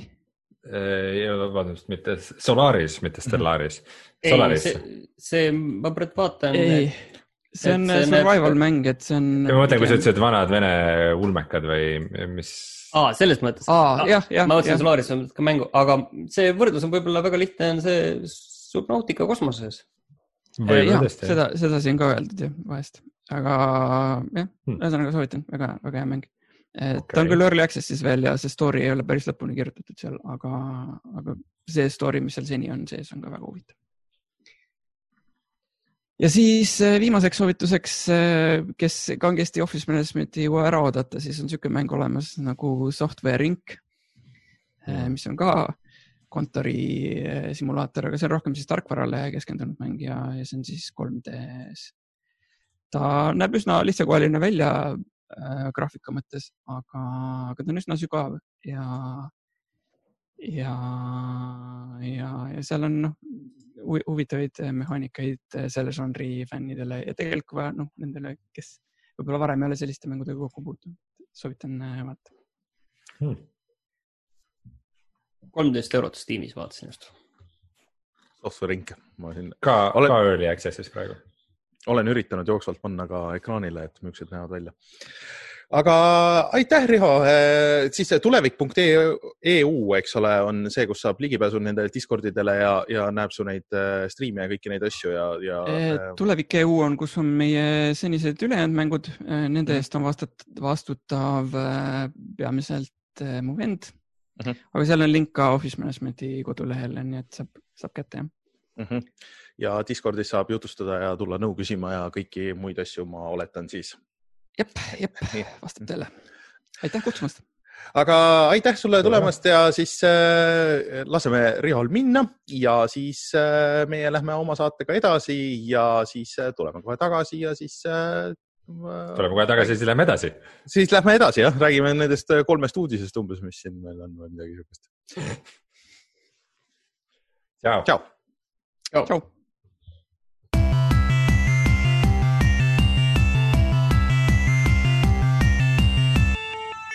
Uudised. tegelikult enne kui uudistesse lähme, siis äh, ma ei tea, kas võtame selle Eesti mängude kuu kokku ka või siin? no võtame. mis, mis me õppisime kõigest sellest, et äh, ma tunnen küll, et ma olen küll saanud nagu päris palju motivatsiooni sellest ja mul on isegi salvestatud paar playlist'i, et uh, Unreal for beginners ja, ja kõik nagu need asjad ja et, et äh, ja, kunagi ei tea, see on, see on natuke mul äh, mõnes mõttes tööasjadega ka nagu seotud, aga mul on, mul on üks suur takistus selle kõige juures. ehk siis, et äh, mu see kompuuter nagu ei, ei ole nagu äh, liiga hea nende kõikide asjade jaoks. See on ainult hädaldamine, aga no, ei, tõsi ta on jah. tegelikult ma võib-olla mõtleksin seda hoopis meie enda võtmes, et siin Rein pressis selle teema meile peale ja tegelikult see on nagu see hea asi olnud, et endal jalgu kõhu alt nagu välja võtta tegelikult mm -hmm. selles mõttes ja näitab, et äh, külalisi peaks tegelikult äh, kutsuma natukene sagedamini ka. aga äh, mul lõppkokkuvõttes jäi nagu hea mulje, et kahju, et mõned inimesed, keda me üritasime saada, et nemad ei, ei jõudnud meil siin, sest et. disko disko, disko on nagu nii ilmselge valik selles mõttes, et Aha. kuidagi võib-olla see, miks, miks me see mõte üldse tuligi või et nagu tahtmine seda just praegu ja nüüd teha. loodetavasti saab sellest traditsioon, loodetavasti iga aasta me hakkame maikuudes tegema Eesti mängudega kuulsid, aga ärme praegu veel luba seda. kas me juba sügisel äkki, aga no okei okay. mm,. miks mitte, võime mitu tükki aastas teha, võime pooled, pooled kuud aastas teha Eesti võime teha eraldi spin-off podcast'i jah. ja, ja. vabalt, kõike võime teha, aga, aga see ongi ikkagi, et nagu Disco Elysiumi järgne Eesti mängumaastik kuidagi tundub teistsugune või isegi kui nagu asjad on samad, siis Disco ikkagi tõmbas sellele kõigele tähelepanu ja mm, -hmm. ja sundis nagu veidikene vaatama enda sisse, et selles mõttes on väga kahju, et Disco inimesed ei saanud tulla, nad on praegu väga hõivatud, et äh, mingeid E3-e laadseid event'e ette valmistada võib-olla seal näitavad või kuulutavad midagi välja aga, aga kindlasti tulevikus meil üks korralik postmortem Disco Elysiumist tulema peab. Aga kas siis aasta lõpus hakkame valima siis iga aasta parimat Eesti mängu ka või? et meil kõigil on see, see oma lemmikud ja siis noh, valime puhata mängida parim Eesti mäng, et kandidaadid on ja selle auhinna saab ja siis nad saavad selle kuskile karbile panna, et näed, puhata mängida Eesti mäng kaks tuhat kakskümmend see pole üldse halb mõte. see on. niikaua kui neid mänge piisavalt on ja see nagu väga punnitamise. ma just mõtlengi, et ma enda arust vist olen seda nagu naljana teinud äh, aastaid tagasi, sest et noh, ilmselgelt mingi üks mäng tuleb välja või, või kaks või midagi siukest. aga see aasta on juba päris mitu tulnud äh,. nagu sinna äh, oleme näinud, siis päris mitu on töös äh,. ja see isegi nagu tundub päris äh, reaalne asi, mida teha äh, tulevikus mm. -hmm. aga. jätame aasta lõpuni meelde üldiselt see oli jah äh, väga huvitav nagu äh, äh, sisevaade ka nendesse stuudiotesse, millest vaata muidu nagu ei tea midagi, sa tead võib-olla, et see mäng on arenduses, aga et kui mitu inimest seda teeb, kuidas see täpselt nende on, mis see nende kultuur on või mis see nende plaan on ja nagu teada saime, siis põhimõtteliselt peaaegu kõik stuudiod lisaks sellele, et nad suudavad ära elada, nad teevad veel ka mingeid teisi mänge teistele stuudiotele, mis oli päris põnev nagu teada või noh, mingisuguseid juppe ja plugineid ja mis iganes, onju. et, mhm. et see kõik on, see on väga kihvt ja et mul kõlas seal väga läbi, et jõu, et kui sa oled arendaja kuskil ja sul on totaalselt kopp ees oma tööst, siis äh, nagu vaata sinna korra, et äh, kuidas see Unity ja Unreal töötavad ja kui sa oled äh, kunstnik ja siis võib-olla äkki sa peaksid vaatama, kuidas see level disain töötab ja, ja nii edasi, et äh, siukseid inimesi on vist äh, tikutulega aetakse taga ja, ja niipea tööpõld otsa ei saa. Ei, see, see on absoluutselt miski, mis minu jaoks on nagu ju kuidagi tuli väga selgelt välja, et ikka põhiline puudus on inimestest Eestis mm. -hmm. et, äh, et meil võiks olla Eestis kui IT-riigis, meil võiks olla selline industry, aga mm, -hmm. aga ei ole, sest et äh, noh, õppimisvõimalused on nõrgad ja samuti ka igasugused stuudiod, kus sa saaksid nagu internina töötada ja nii edasi, et mm. -hmm noh, just siin tegelikult see killustatud äh, ja allhangete maailm natuke töötab selle vastu, et kui mm. oleks kõik kuskil koos kontoris, siis saaks sinna nagu, nagu kutsuda interne ja saaks palgata nagu vähem kogenud arendajaid, kes nagu saaks teiste kõrvalt õppida, aga kuna igaüks nagu noogitseb nii omaette, siis see nagu töötab veidikene selle vastu mm.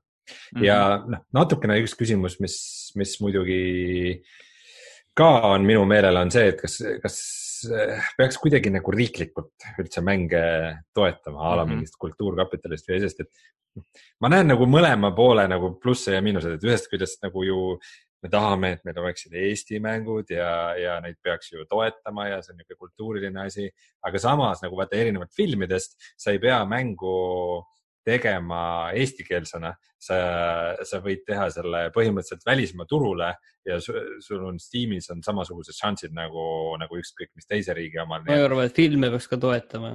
aga sina ei arva, et filmi peaks ka toetama yeah. vot, vot siin ongi see naljakas asi tegelikult, et, et kuidagi, mis mulle nagu filmitegija ka kuidagi alguses oli väga ebaloomulik, et, et noh kuna me kõik oleme nagu väga siukses USA keskses kultuuriruumis üles kasvanud ja USA-s on see, et vaata film, filmid on äriprojektid, aga Euroopas ei ole, Euroopas on nagu rohkem kunstiprojektid, et iga riik nagu teeb selleks, et, et, et nagu silma paista või nagu oma, oma riigi nagu mainet edendada, et, et nagu mängudega, noh, mängudega võib-olla see, see USA kesksem filmile lähenemine kuidagi omasem, aga samas ma ei tea, samas ma tahan, et meil oleks nagu kihvte Eesti mänge ja nagu ilmselgelt kusagilt peab see toetus tulema, et need asjad nagu arenevad omaette ka, aga nagu väga-väga-väga aeglaselt, et ikka ei, selleks, selleks seda protsessi kiirendada, peab mingisugune tugi olema. et pigem on see ikkagi, mina arvan, et see võiks olla ikkagi selline õng, et äh, koolides oleks rohkem seda õpet, ülikoolides rohkem võimalusi ja küll siis hakkavad need asjad rohkem nagu mm. ise tulema kui see, et mingit kultuurkapitalist äh, visatakse mingile skulptorile, kes mingit õudust teeb, visatakse pappi peale, et mm. Äh, noh, mängudega põhimõtteliselt sama teema on ju, et kas, kas nagu igale poole tasub raha. aga, aga film, filmidega võrdlus nagu selles mõttes hea, et, et no ma olen küll näinud palju halvema, nagu palju rohkem halbu Eesti filme kui halbu Eesti mänge, nii et, et selles mõttes on eh, Eesti mängutööstuses isegi parem seis kui Eesti filmitööstuses. vot see on võib-olla see asi, et need paljud need halvad mängud ja need jäävad pooleli, neid ei tee kunagi keegi valmis aga need halvad filmid, need tehakse valmis, sest pärast sul on Kultuurkapitalile vaja ette näidata, et näed, näed, palun väga, siin see crap on, meil on tehtud. ja needsamad tüübid, kes No. teevad selle halva asja kuidagi käkerdavad valmis ja teevad oma raporti ära, nad saavad järgmine kord ka raha, sest et neil on ette näidata, et neil on üks. aga eh, keegi siin eh, näed, see on keegi täiesti siin vale ring. keegi siin ju rääkis, et äh, kas siis äh, eelmine nädal või et, et, et ühesõnaga, kuidas Soome riik mitte nagu ei, mitte ei toetanud, aga investeeris ehk siis, et selles Mhm. suhtes, et äh, selle asemel, et äh, osta, ma ei tea, mingisuguseid, ma ei tea, mis aktsiaid kokku, et võib-olla nagu riik peaks nagu toetama investeeringutega nagu selles mõttes ja võib-olla isegi nagu teenima sealt, et äh, riik seal no sama hästi, super kui sa sellist teenid, võid ka kaotada. kas sa tahad, et No. Eesti riik käiks kasiinos või? no Et vaadates ratas seda track, track record'it, mis siiamaani on äh, nende muude igasuguste riigi investeeringutega olnud, siis ega see nagu halvemini ikka ei saa minna. Ei tea, praegu on ikka. Ma lükkaks küll pigem pens- pens. pensionifondi, minu pensionifondiga võib mängida küll Eesti äh, mängude võtmes seda ma Okei, tuletan okei,, okei. ma tuletan Läheb siin lõbuks, muidugi läheb seda UOS-e projekti meelde, mis on, noh, oh,. mida nagu investeeringuks on palju nimetada, vaata, vaata ka siuksed projektid on, mis. Kusjuures, oleks. Rein, miks sa enne selle peale ei tulnud, see oleks olnud suurepärane see nagu lõpetus sellele mänguvideo. mängu. või kutsume UOS-e arendajad, kes oli. Edgar Savisaare poeg vist keegi, et just., et, et mis, mis te siukse asja tegite. aga no okei okay,, kui, kui võib-olla ei peaks nagu riigi poolest, kas peab või ei pea toetama konkreetseid mänge või mänguarendajaid on nagu üks teema, aga teine teema on see, et et oleks mingisugune võrgustik olemas äh, just, et, et sul on koht, kus õppida, sul on koht, kust äh, saada tuge. noh, IKTA kordab ja IKTA vist ka on tegelikult EAS-i poolt toetatud, kui ma ei eksi. Et äh, noh, nad korraldavadki ju siukseid nagu kokkusaamise asju, kus saab nagu infot vahetada või mingisuguseid loenguid või asju. aga minu meelest, mis kõige olulisem oleks tegelikult on see, et äh, Unity ja Unreal oleks Eestis esindatud, et neil oleks mingisugused Eesti kontorid, mingisugused sertifitseeritud koolitajad, et toimuksid mingisugused kursused, et inimesed saaksid, saaksid seal käia, et oleks mingi kriitiline mass nagu nende pea- baasteadmistega inimesi. sealt saaks kuidagi asi edasi areneda, et ähm, et Noh., et noh, ma arvan, et äh, selline asi kiirendaks äh, ikkagi väga palju seda. et äh, no tegelikult ongi ka see, et noh, see on see interni teema, mida sa tõid, et ma arvan, et see aitaks ka väga palju, et kui need mängufirmad, kes on olemas, ilmselt nad mingil määral nagu seda juba teevadki, et kui nemad ise koolitaks neid oma inimesi, aga noh, eks seal muidugi on see risk, et sa panustad inimese koolitamisse ja, ja, ja siis äh, investeerid sellesse kõike ja siis see inimene läheb ära, et see on alati nagu olemas seal, et aga, aga ma arvan, et midagi niisugust äh, Mhm. töötaks ka hästi. ja, ja mm, siin tegelikult äh, chatis tuuakse välja ka, ka võõrtööjõu teemat, et äh, noh, ühest küljest on väga tore, et nagu Eestisse tuuakse talenti väljaspoolt, aga samas see, see ju ikkagi näitab, et Eestis meil seda juurdekasvu ei, ei ole piisavalt. Martin Kauber ütleb muidugi, et katsuge kõigepealt Sony Playstation ja Xbox Live eh, ametlikult Eestisse tuua ja siis hakake ka mängumootoritest rääkima see, see, point. see on, see on ka üsna hea point, aga no see on see, Eesti turg ei ole muidugi seesama asi, mis on eh, Eesti potentsiaal eh, mängu tegemis, mängude tegemises siis või midagi siukest. vot, aga, aga üldjoontes oli- oli tore eksperiment. ja, Mhm. aga et eh, järgmine nädal siis saab relax ida rahulikult ma ei tea, võib-olla me nagu sama hooga paneme edasi. selles mõttes see on hea point, et äh, tegelikult äh, see kogu äh, Zoom indus ja remote äh, saate tegemine on teinud selle intervjuude tegemise nagu märgatavalt lihtsamaks on. jah, et ma arvan, et seda võime, kui isegi kui me stuudiosse tagasi lähme, siis saab, meil on tehnilised võimalused olemas äh, selle tegemiseks ka nagu seal äh, stuudios, nii et me saame selle päris, päris okeilt edaspidi. ei pea inimesi hakkama kohale vedama. just, just. aga okei okay,, lähme uudiste juurde. vot, lähme siis äh, nende, Nende kahe uudise uudise juurde. jah, et äh, noh, BlizzCon, mis pidi siis äh, nüüd äh, sügisel toimuma, siis äh, jäetakse ära, see on juba vist Siililegi selge äh,. aga mina kohe esimese hooga mõtlesin, et, et okei okay,, et järgmine aasta tehakse siis digitaalne asi ja et, et noh, sisuliselt jäetakse nagu kaks aastat ära, aga Rein kohe tahtis mulle vastu vaielda. ei no see, et selle sügise BlizzCon ära jääb, noh. see, see, et see uudis tuleb praegu, on pigem nagu uudis, et see tuleb Mm. nii hilja, et äh, mida- midagi teoritiseeriti, et võib-olla lihtsalt nad ise ei tahtnud cancel ida, et nad tahtsid kuni, kuskilt a la mingi linna poolt tuleb keeld peale, et nad saaks mingit kindlustusraha või mis, mis iganes skeemid seal taga olid. aga lisaks sellele, et see uudis tuli nii hilja, siis tundub, et äh, neil ei ole ka mingit plaani, kuidas seda asja nagu rohkem digitaalselt läbi viia mm.. et, äh, et jah, et võiks teha midagi digitaalselt, aga no seda me jõuame alles järgmise aasta alguses. aga mis neil praegu õhus on, et neil on see, see suurepärane Diablo mobiilimäng on siis äh, Overwatch kaks on kuskil õhus ja siis mis veel? Overwatch kaks on neil välja lubatud, Diablo neli on neil veel no, välja lubatud, see, see pisiasi läks sul meelest ära. ja, jah, õige. Ähm, no vot see nali tegelikult ongi, et ega neil vist nagu midagi väga suurt ei olegi seal välja kuulutada, et ähm, noh, kõik nagu asjad on juba välja kuulutatud, see WoW-i expansion pidi sügisel tulema, see mm, ilmselt ka nagu lükkub edasi, et võib-olla isegi järgmise aasta alguses see Shadowlands on selle World of Warcraft järgmise expansioni nimi, et, et nagu noh, et äh, midagi nagu suurt ei olegi tulemas, et rohkem see on niisugune nagu melu ja kokkusaamise koht ja mingid e-spordi võistlused umbes Starcraftis ja Overwatchis ja Hearthstone'is no, ja asjad ja see. kuigi see on täpselt niisugune asi, mida vist Blizzardil praegu vaja oleks, sest et nad on nagu nende viimaste aastatega on nagu kõik selle. ei ole kindel, kas on vaja, sellepärast kui siin äh, seda mobiilimängu väljakuulutamist äh, meenutada, siis pigem äh, kui seda asja saaks kuidagi digitaalselt teha nii, et inimesed ei no, see... oleks saalis, siis nad tänaksid no, ütle, ütleme niimoodi, et äh, Blizzardil oleks vaja mingisugust fännidele mõeldud niisugust head event'i, kus tuleks nagu niisugust vähe positiivset energiat, sest et praegu jah, see mobiili asi. see on kõik see, see on kõik see, mis see... viimastel aastatel on ebaõnnestunud neil ju. päris no, tegelikult seal. et äh, võib-olla see mõjub neile hästi hoopis Mm. aga siin üks tugev kõlakas on nüüd, et järgmisel nädalal lõpuks äh, Sony näitab seda Playstation viite, et ega ma ei taha sellel pikalt peatuda, aga see tundub, et see võib olla üsna realistlik. Eh, kas äh, sa muidu seda Ghost of Tsushima, seda videot äh, vaatasid, mis siin eelmine nädal? ei, ma ei ole vaadanud ühtegi Ghost of Tsushima. okei okay,, ma natuke nägin, et see näeb. mulle tundus. palju Assassin's Creed välja. ei olnud üldse. ma korra vaatasin, aga hästi natuke. see on ikka. ma olen mulle, nii. Last of Us'i kui seda Äh, Tsushimat olen nagu teadlikult äh, väga palju vältinud. Äh, see Tsushima nägi mulle väga oluliselt huvitavam välja, kui ma muidu arvasin, et see on, et see vist ongi nagu niimoodi üles ehitatud, et, et kui sa tahad mängida stealth'ina, mis mulle nagu tihtipeale meeldib, et saad mängida nagu Hitmanina või Tenchu oli kunagi niisugune seeria. sellises võtmes või siis võid lennata nagu täiega peale, et sul on erinevad võitlusstiilid ja need, et mida sa saad kasutada ja teha, et, et kuidas sa mängida tahad mul lihtsalt kuidagi Tsushima nagu oli see, et ta nägi ilus välja, aga kuidagi no sada protsenti lihtsalt veel üks avatud maailmaga mäng nagu. No nagu välja tuleb, siis ma kindlasti nagu tahan mängida seda, aga noh, eks siis näeb. ma ei tea, see kombat tundus ikka nagu nii teistsugune, aga ootame, ootame huviga, mis, mis sellest saab, et see on ju suhteliselt, millal see oli, suhteliselt varsti või?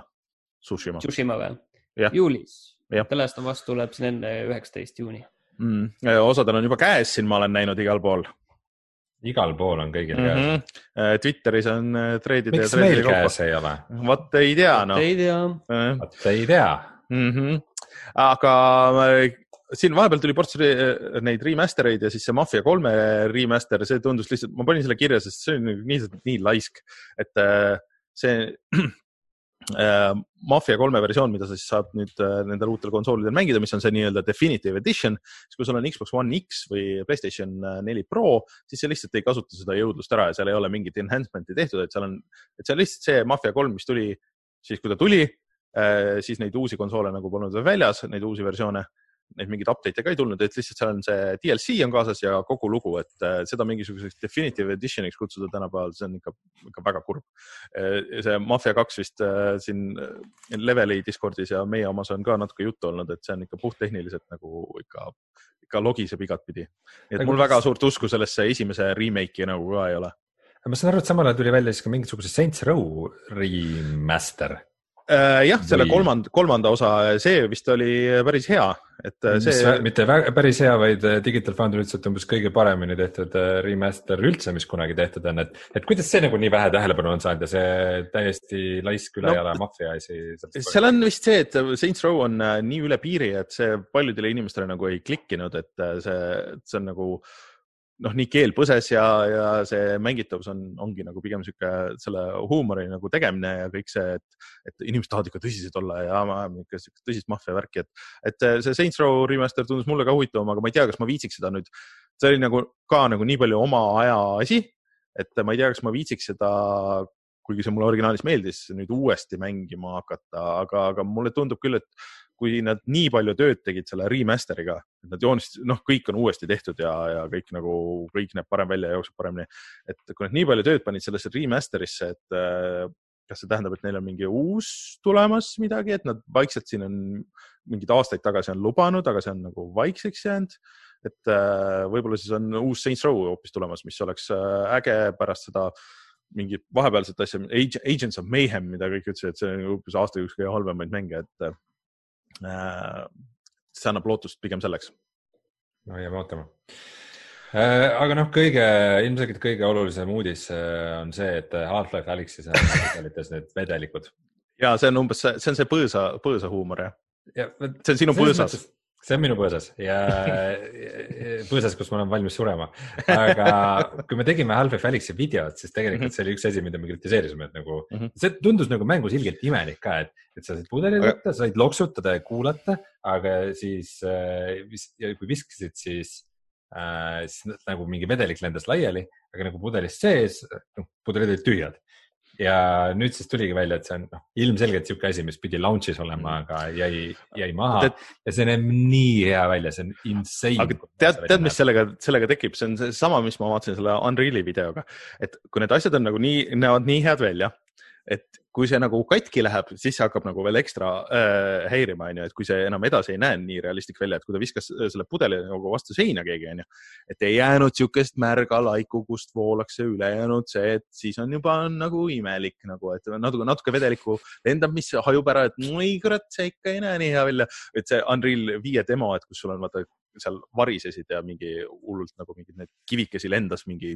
kümneid ja sadu ja tuhandeid ja, aga siis need tulid liiva peale ja liiva peale ei jäänud jälgi nagu nendest, et mm, ei tea, et see ikka ei Muidu, ole nii realistlik. ma tuletan meelde, et Alfred Alexis on üks terve level, mis, mis on üles ehitatud ümber selle, et sa pead viina, sa oled viinatehases ja viskad mm. Äh, viinapudeleid, et siis pimedat kolli ära meelitada enda juurest.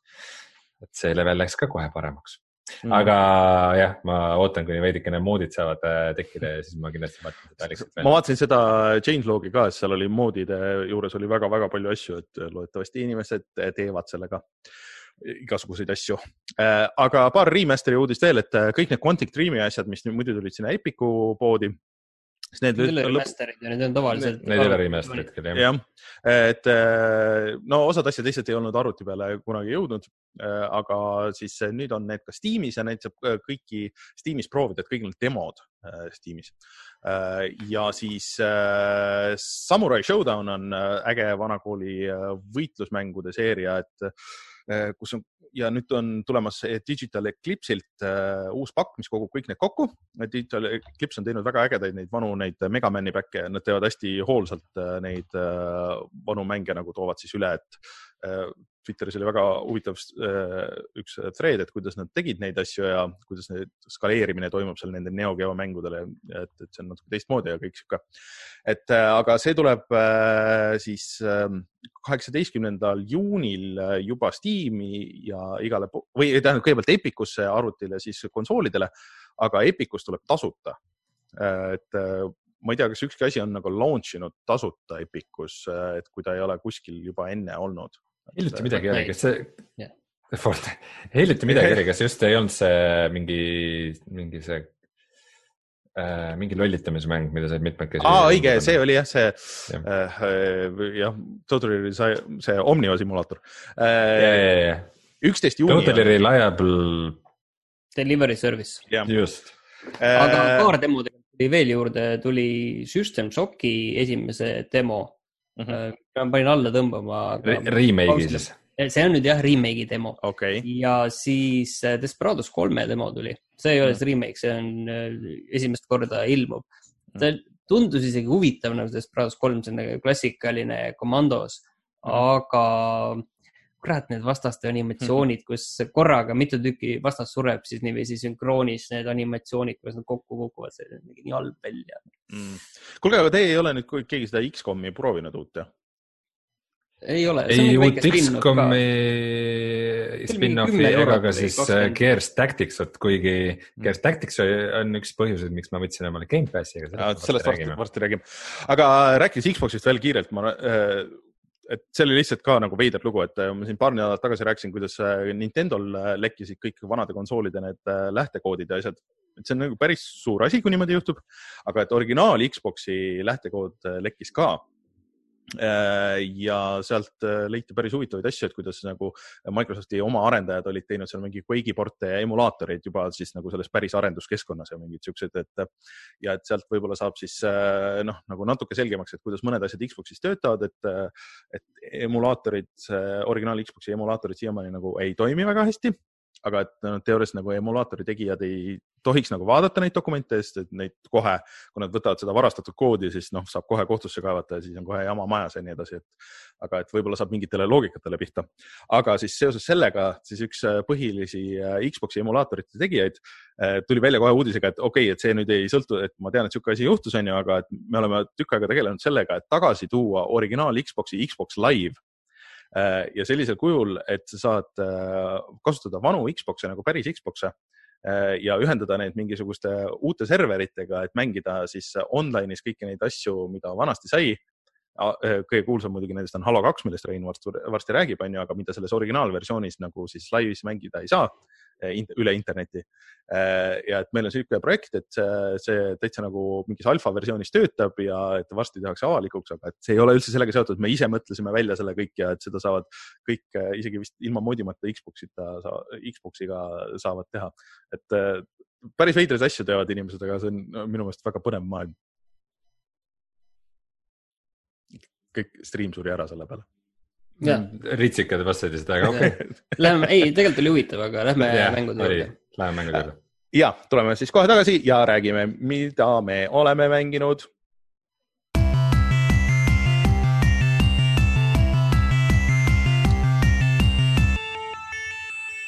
meil on nii palju uusi mänge ja asju, et äh, ei teagi, kust alustada, aga ma tahaks tegelikult kuulda ikkagi alustuseks, et Rein, räägi, kuidas sina siis oma arvutile X äh,, selle äh, Microsofti. kuidas ma Xbox'i oma, oma, Xbox'i oma arvutile installisin.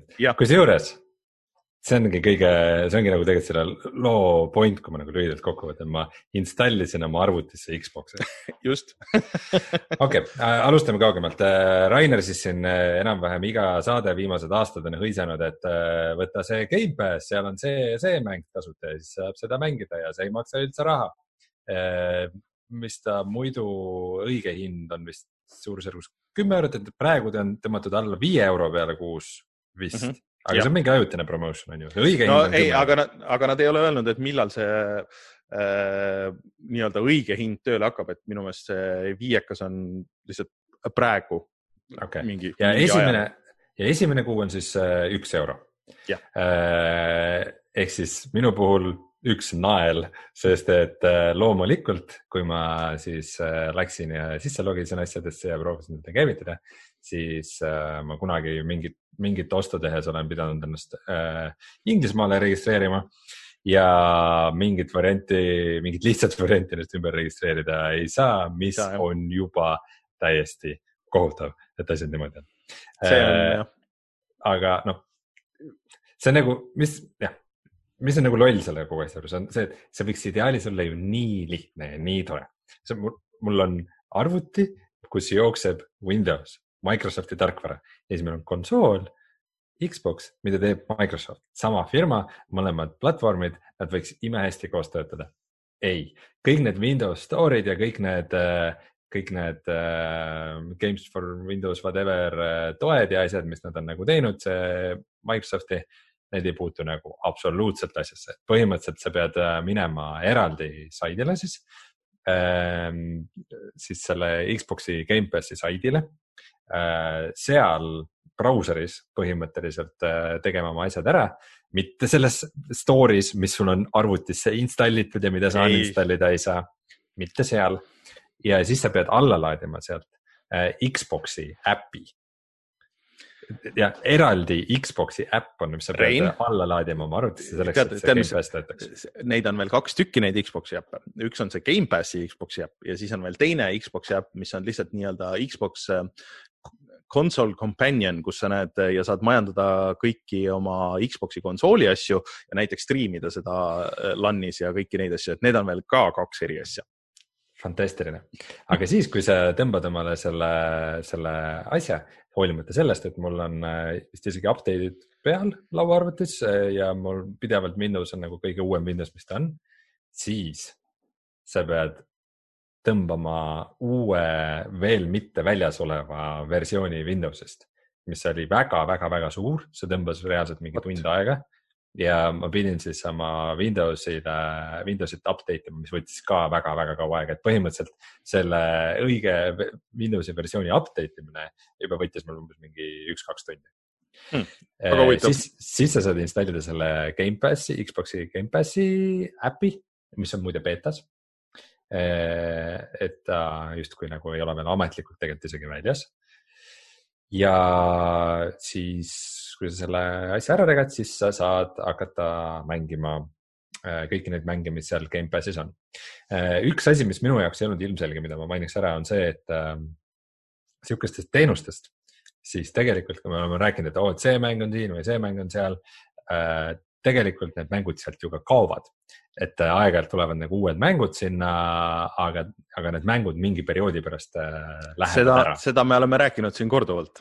oleme jah, me oleme rääkinud, et see on selle kõige nõrgem koht. see käib, see käib kindlasti selle teenuse juurde, lihtsalt kuna mina tavaliselt ei kasuta siukseid teenuseid, siis, siis noh, see oli miski, mis minu jaoks, ükskõik kui mitu korda sa mulle ütled, et siis ma ikka, see on minu jaoks kuidagi nii mitteomane, et see tuleb väikse üllatusena äh,. aga siis näiteks ma ei, ma ei märganud seal kusagil seda Outer Worlds'i, mis on juba nüüd Microsofti oma stuudio, aga ma saan kohe vaadata, see on mul siin ees. ma iga, igaks juhuks ei hakka seda ütlema, kuna mul, ma praegu olen läpaka taga ja mul läpakas ei viitsi elu sees seda installi ette võtta. aga mina ei. pidanud küll, seda Windowsi siukest update'i tegema no see on võib-olla lihtsalt sellepärast, et Reinul on endal Windows uuendamata. no,. ei, minu meelest ta, ta läks nagu samm edasi sellest nagu viimasest ametlikust versioonist. ma ei tea, mul on siin küll äh, included ja, ja play. seda ma tahaks küll hästi uskuda, jah. Võib-olla sellepärast, et äh, sul on see teine Xbox'i äpp ju nagu varem olnud ja kuidagi nad äh, sellepärast on ta sul hoidnud juba uuemana selle Windowsi, ma ei tea, mida iganes, igatahes mina pidin väga, Aga igatahes-. Outer Worlds on olemas.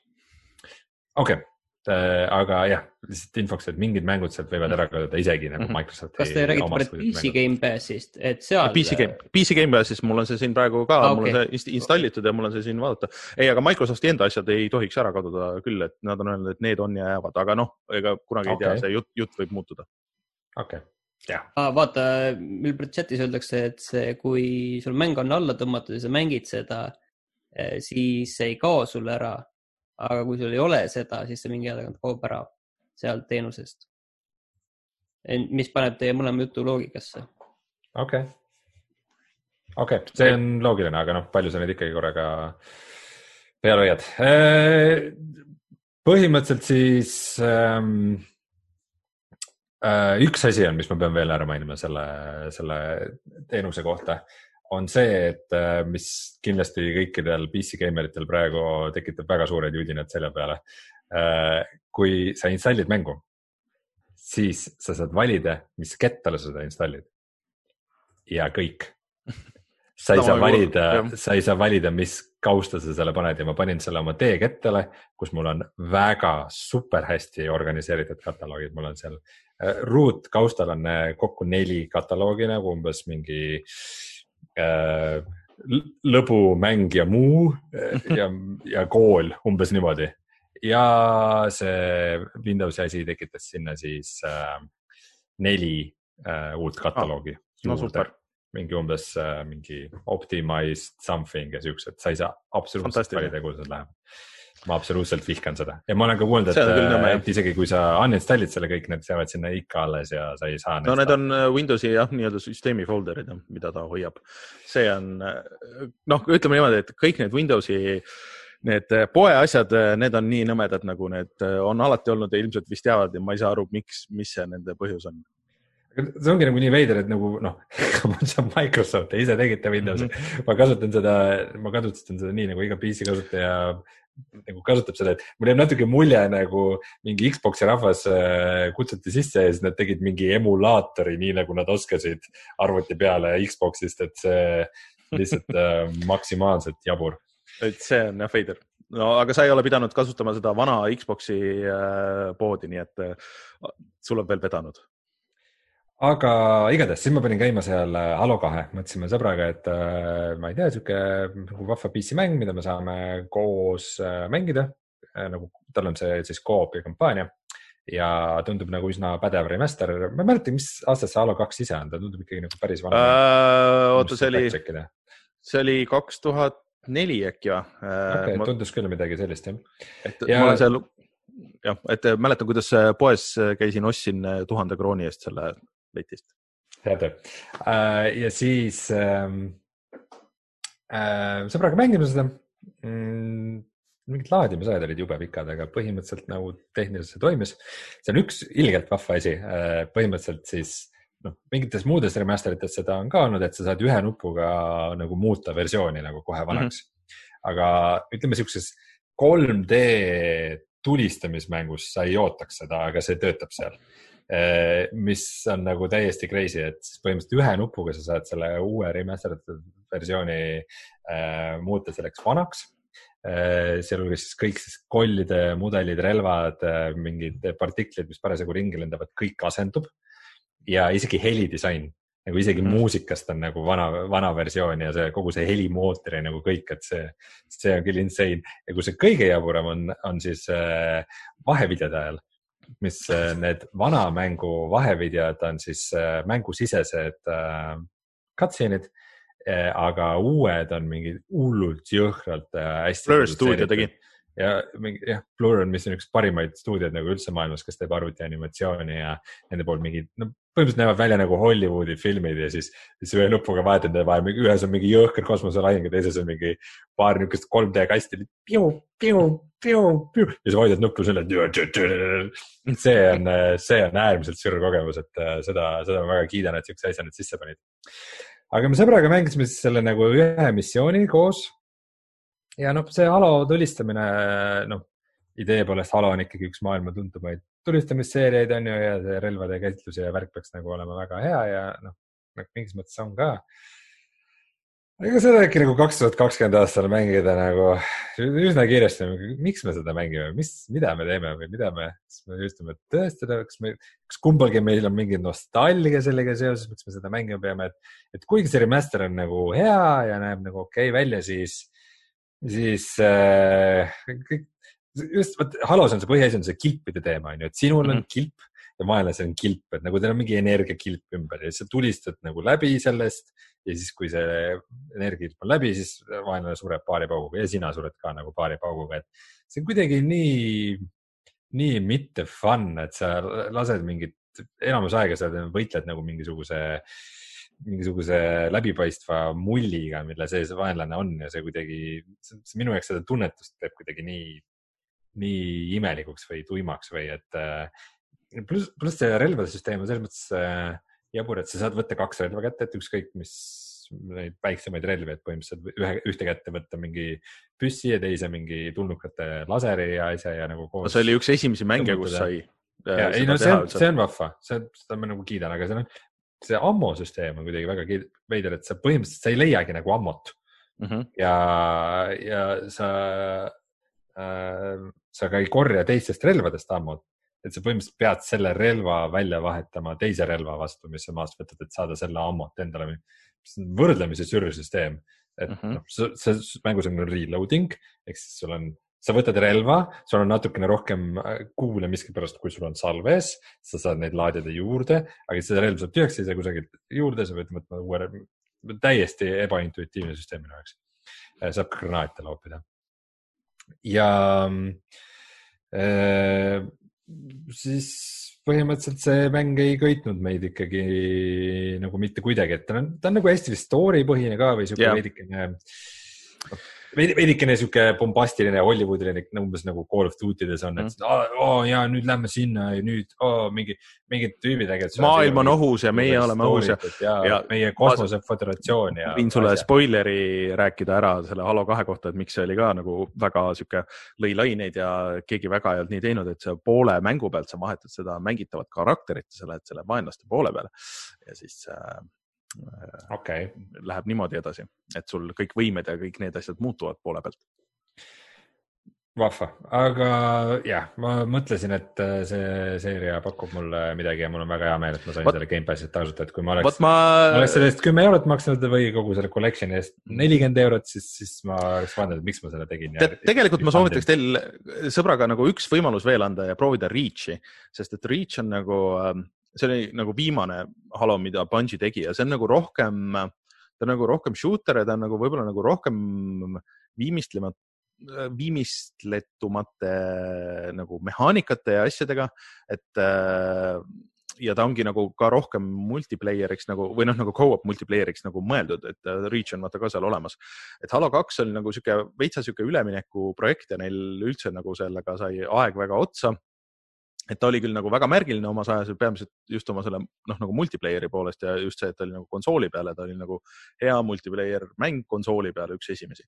et äh, sa oled korduvalt küsinud, et noh, et kas see ikka nagu peaks tänapäeval vastu või ei peaks vastu nagu, et, et ma arvan, et ta nagu ongi väga Reach palju oli- nagu Reach oli vist kuni nelja mängijaga või? Eh, vist oli jah.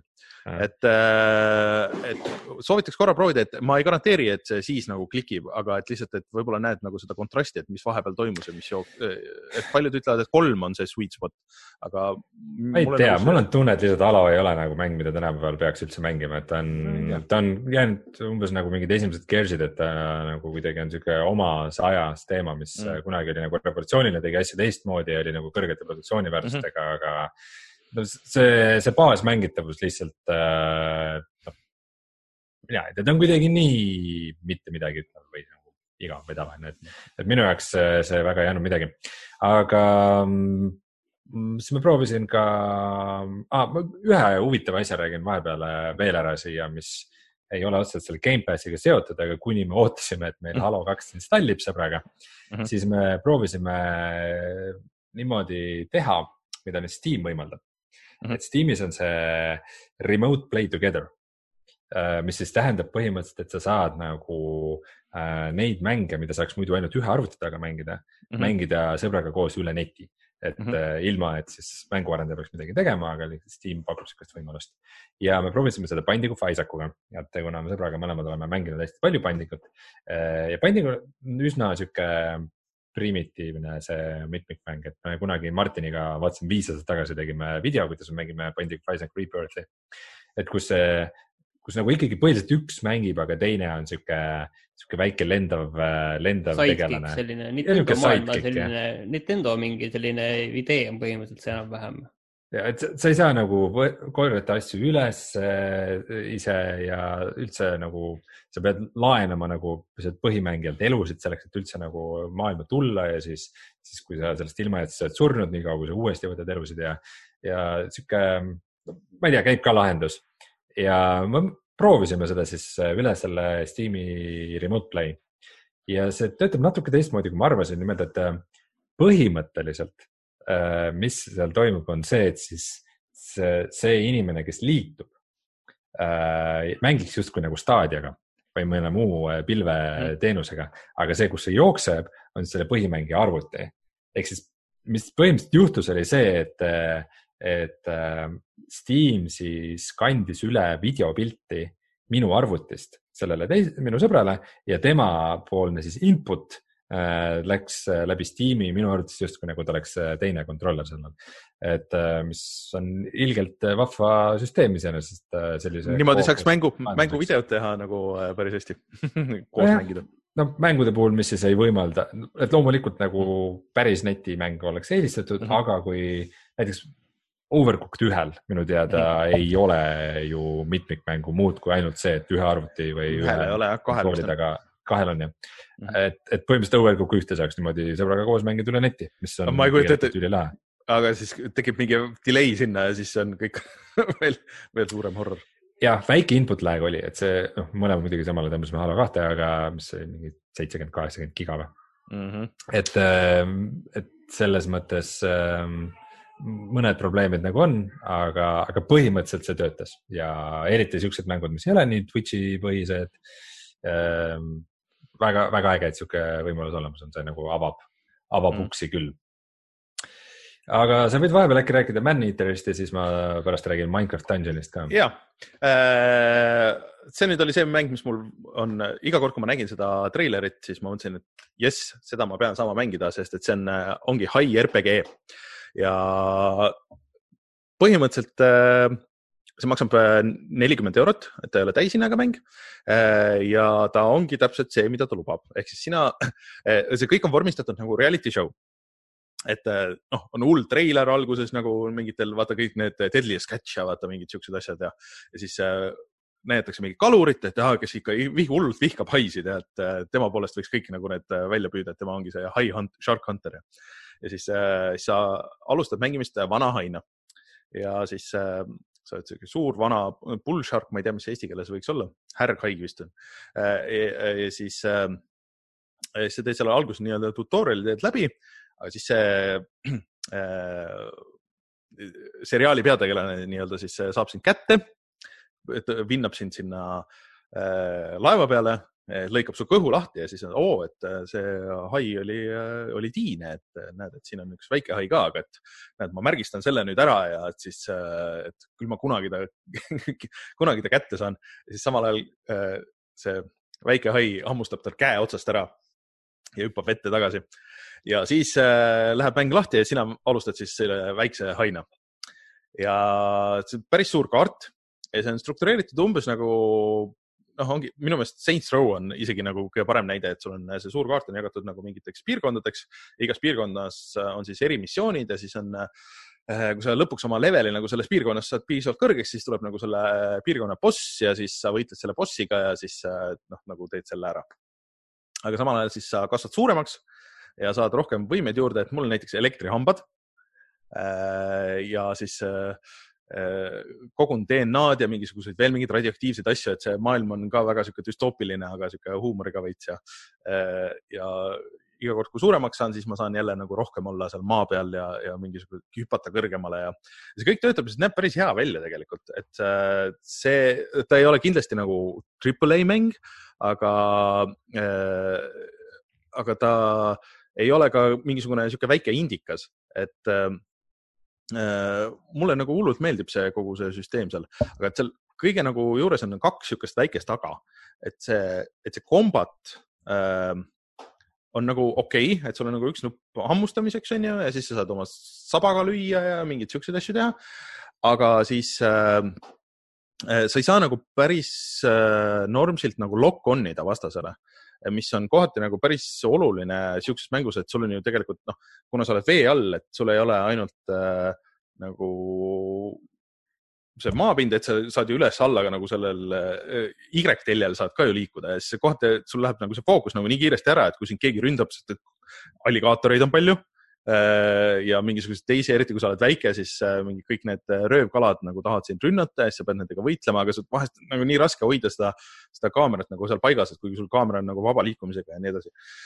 et. natuke see... täpsustaks, et et, et põhimõtteliselt ikkagi toimub asi vees, aga siis ja. sa saad, kuidas sa nagu inimesi ründad? no inimesed on. hopsad maa peale. hopsad ja... maa peale, et see näeb väga koomiline välja, aga see on ilmselgelt meelega, et nad on väga palju panustanud sellesse animatsiooni, et see animatsioon, kui sa oled sealt veest väljas, siis sa liigud seal vees, sa saad topelthüppeid teha äh, suhteliselt nagu nii vees kui veest väljas äh, et, see näeks nagu maksimaalselt äh, koomiline välja ja sul mingi hetk, kui sa oled veest väljas, siis sul tuleb see ähm, hapnikumõõdik ja kui see saab mhm. otsa, et siis sa hakkad nagu tämmi saama ja kui tämm saab otsa, siis sul on, sellel hail on oma pesa. siis sa respawn'id seal pesas, äh, kus sa saad siis endale neid uuendusi, kõiki asju panna ja kõik, et saad mingeid siukseid asju teha ja nii edasi. aga, aga ma, mille peal sa seda mängid, ma vaatasin, et Steamis ei ole, ei ole veel nagu kuupäeva. see on, see on Epic, see on Epicus äh, PC peal äh,. PC-l ta on ainult Epicu poes ja siis äh, muidu on äh, kõikide konsoolide peal või välja, noh, Switch'i peal ei ole, aga, aga see on äh, üllatavalt lõbus ja loll, aga siis äh, teine probleem, mis mul oli äh,, lisaks siis äh, sellele natukese võitluse veidrusele, on see, et äh, et ma nagu mängisin, mängisin, tegin päris palju asju, siis mulle tundus, et imelik, et kui ei saa nagu achievement'e asjade eest, et tavaliselt nagu mängu alguses neid tuleb nagu päris tihti, on nagu imelik. Ja siis mingid asjad nagu veel, et midagi tundus nagu, et oli off selle mängu juures. ja siis ma sain surma ja siis ma järsku nägin seda alguse nagu videot uuesti mõtlesin, et mis asja.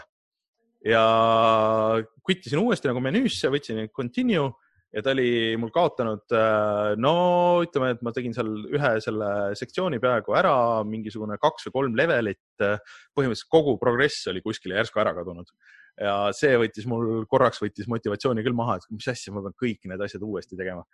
et see oli päris puine bugi ja ma nüüd rohkem ei ole näinud, aga see võtab nagu, kui sihuke asi juhtub, siis kulda ei saa. kulda ei saa, aga suures plaanis see on täpselt nii loll, et sul kogu aeg on see äh, jutt, pealerääkija hääl, et nagu oleks telesaade, et ja nüüd see hai tegi, nägi sihukest asja. sa leiad seal äh, vee all mingisuguseid äh, noh, mingeid kogutavaid asju, mis on siis tavaliselt mingi sihuke väike stseen on tehtud ja siis räägitakse selle lugu, et siin juhtus selline, et siin see kunstnik tegi seitse aastat, pani kokku sellest veest leitud prügist seda skulptuuri, aga kui umbes purjus äh, linnaelanikud nägid seda, siis nad mõtlesid, et see on nii kole, et me viskame selle merre tagasi umbes. noh, mingi sihuke huumor, aga see täitsa nagu töötab ja, ja kuna see ei ole täishinnaga mäng, et noh, mina ütleks, et, äh, et see on äh, kullavääriline, et mina paneks selle värskesse kulda küll. ikka paneks või? paneks küll Ehm, no ainuke raske asi lihtsalt sihuke bugi on ju, aga ma ei tea, see võis olla mingi väga minu asi, sest et äh, mul käis mitu asja või ta oli olnud mul äh, selle Sleepy peal äh, üleöö ja siis ma mängisin edasi, et võib-olla kuidagi nagu sellest, et midagi oli mul selle enda Xbox'iga nagu häda, aga. hakka nüüd jah vabandama. no ma ei tea, ühesõnaga see, see bugi oli kõige suurem probleem, mulle muidu see mäng väga meeldib, mina paneks mm -hmm. selle küll värskesse kulda, see ei ole küll vist väga pikka, et ma arvan, kuskil mingi, no mingi a la viisteist tundi või midagi siukest. et. Äh, päris see..., päris tükk aega peale tulnud uut äh, värske kulla mängu. just, et, et no. äh, aga, aga ma järgmised nädalad kindlasti räägin sellest edasi, et ma olen kuulnud, et see probleem natuke selles lõpupoole on lihtsalt see, et need missioonid muutuvad võib-olla natuke liiga ühe ühesugusteks mm. -hmm. aga eks see vist on ka, et ähm, kuidas sa ennast spekid ja nii edasi ja et, et. seda kurdetakse palju mm.. aga enne kui Rein, sa sinna Minecrafti juurde lähed, siis äh, ma räägin endale selle väikse loo ära no,, mida ma olen mänginud et äh, muidu ma tegin vahepeal läbi sellise asja, mis mind hakkas häirima, mis ei ole üldse sellega seotud, millest ma tahtsin rääkida, aga see Get Even, millest me tegime mm. kuskil video kolm aastat tagasi. oi jumal, midagi. ma jäin kuskil poole peale, ma tegin, mind jäi see kuidagi kripeldama, siis ma tegin selle läbi äh,. lugu oli isegi täitsa okei okay,, aga kurat, see oli ikkagi halb. PC mäng et see oli, noh, idee ja kõik oli nagu hea, aga kui ma mingil hiilimistasemel kuskil lihtsalt kümme korda jäin kuskile geomeetriasse kinni siis äh, ma lihtsalt enam ei hiilinud ja lihtsalt kõik ära. aga ühesõnaga, see oli ikkagi kahjuks lõppkokkuvõttes, noh, keskpärane lugu oli jah, kohati päris äge. aga tegelikult, millest ma rääkida tahtsin hoopis, oli A Short Hike, mis tuli tegelikult aasta tagasi välja ja mis on siis äh, Humble'i mäng. Humble'i sellest, kus ka Disco Elysium alguses oli, selles äh, kambas. ja see Short Hike on väike mäng Steamis, praegu ma ostsin äh, kuus ja pool eurot. Epicus oli tasuta ju võib-olla oli jah, vahepeal Epic Store. mina ei mäleta, et Short oli küll. ma ei ole nende Epic asjadega vaadanud. sa, eh, sa ütlesid, et, et, eh, et see nädal pole ühtegi mängu ja siis Short Hike oli üks nendest ja siis eh, chat'is Martin Kauber ütles, et see on tegelikult väga hea. Short Hike ongi üks viimaste aastate üks kõige paremaid mänge üldse, mis on välja tulnud okay.. et see on väga lihtne selline 3D piksline mäng, esmapilgul isegi näeb natukene võib-olla hirmutav välja niiviisi, aga tegelikult see on selline väga armas, sa oled väike linnukene, kes peab ühe saare peal ronima sin sinna mäe tippu. Ja see on selline, tundub lihtne ülesanne. ja siis sa põhimõtteliselt võidki minna sinna tippu. Aga ei noh, tegelikult see asi on sellest, et, et sa ei pea ja sa pead natuke pead vaeva nägema selleks, aga see vaeva nägemine on ka selline lihtne. aga tegelikult, mis selle mängu juures on nagu minu meelest kõige ägedam, on see, et kuidas, kuidas sellest äh, teekonnast sinna saab nii eraldi asi, et tegelikult äh, sa, sa enam ei vaadagi, kas sa peadki sinna mäe tippu jõudma või see ei ole nii oluline, seda avastada seda saart, rääkida seal teiste inimestega, leida, et kuskil on mingid saladused siin. õigem mäetipp on sõbrad, keda sa kohtad teel vot midagi sellist võib-olla jah, et eh, võib-olla see mäetipp on sinu südames. aga see on selline hästi lihtne, armas mäng, see on mingi kaks tundi pikk ja ma igal juhul soovitaksin seda nagu raudselt. värskesse kulda seda ei pane lihtsalt sellepärast, et see on eh, aasta aega vana täpselt ja mul on väga kahju, et ma sellest varem midagi ei teadnud. kusjuures see on hästi selline lastesõbralik mäng ka, et keegi tahab nagu lastele anda kätte mingid sellised, et eh, võib-olla päris esimeseks ei, ei, ei sobi, aga, aga see on täpselt selline mäng, mida lastega nagu koos mängida, et avastada, et kuidas, kuidas mängumehaanikad toimivad, kuidas sa saad seal liuelda ringi. see näeb nagu hästi-hästi ilus välja tegelikult, et see on tõesti näha, et seal on nagu seda südant on sees nagu seal ikka niiviisi, et on ikka kamaluga pandud kusjuures me just äh, Jörgen Matsiga rääkisime mängudest, mida, mida koos lastega mängida, et äh, ja siis tema ütles, et tema jaoks nagu short hike on nagu hea avastus. Äh, ta on mulle, mulle soovitanud, mida koos lastega mängida ja mida ma siin mängisin mitte koos lastega, vaid üksi, oli What the Golf mis on ka Epiku poes arvutil ja nüüd Switchi peal ka, Switchi peal kahekesti mängitav. ja ma arvan, et see võib ka toimida lastega väga hästi igal juhul jah, aga ei pea koos lastega, sellest mina mängisin ka tegelikult üksi seda, aga, aga see on tõesti selline mäng, mis nagu suudab sind nagu üllatada ja niiviisi kaasa haarata nii ootamatul moel, et sa nagu ise ei saagi sellest aru. et ühesõnaga, mina kindlalt soovitan mm.. okei okay. aga Rein, rääkides mänge, mida lastega koos mängida, siis mängudest, mida lastega koos mängida, siis Minecraft Dungeons. et üks mm, -hmm. Ma ei tea, kui palju sa jõudsid mängida, aga üks äh, mingi põhiasi, mida ma olen kuulnud, et äh, mida sellele veidi ette heidetakse, on see, et ega tal nagu Minecraftiga nagu otseselt väga suurt pistmist pole peale selle, et noh, kandiline maailm ja siis äh, sama välimusega tegelased, aga ega sa seal midagi ei ehita ja, ja ei kaeva ja midagi sihukest ei tee. Jah, tegu on siis, tegu on siis põhimõtteliselt Diablo-laadse mänguga, mis toimub Minecrafti maailmas ja näeb välja nagu Minecraft ta on siis selles samas Gamepassis äh, ka praegu, nii et äh, selle ühe, ühe naela eest, mis ma kulutasin, sain ma, saame mängida ka seda, nii palju kui seda lustib. ja. täising muidu on kakskümmend vist. oled valmis äh,, oled valmis seda kinnitama? no räägi sa edasi, ma kontrollin järgi Te. teeme seda fact check'i sellele natukene jah, minu meelest oli kallim Äh, ehk siis, kes ei tea, mis asi on Diablo või Diablo-laadne mäng äh, või üldse action RPG, siis põhimõtteliselt äh, sa näed ülevalt sellisest, hmm, kas päris isomeetrilisest, enam-vähem isomeetrilisest vaatest maailma. ja sul on siis üks tegelane, kes jookseb ringi ja lööb kolle ja sööb kollide käest asju ja paneb need oma selga ja jookseb edasi ja Minecraft Dungeons võib öelda, on, on ikkagi pigem mõeldud nooremale mängijale, et äh, ta on oma, ta on oma mehaanikatelt ja kõigilt ikkagi nagu väga-väga lihtsakoeline, et erilist niisugust taktikalist väljakutset seal küll ei ole. Ja ähm, noh, ka juba see, et varustuse osas sul on tegelikult, sul on relv, sul on armor ja siis sul on äh, mingisugune libu või siis kaugvõitluse relv et äh, väidetavalt äh, hiljem tulevad ka mingisugused asjad, millega sa saad teha mingisuguseid loitse. põhimõtteliselt mingit tegelasklasse mitte midagi ei ole, sa lihtsalt mhm. alustad mm, sa saad valida küll eri. eri, eri värvi tegelastega, aga äh, kõik alustavad nagu mõõk äh, ühes käes ja vibu teises käes ja mingeid teistsuguseid siukseid klasse ei ole, et võib-olla nagu relvade käigus ja läbi, läbi varustuse sa saad natukene erinevalt läheneda aga ei ole ka mingisugust nagu oskuste puud ega mingisuguseid skill'e, kuhu sa investeerid.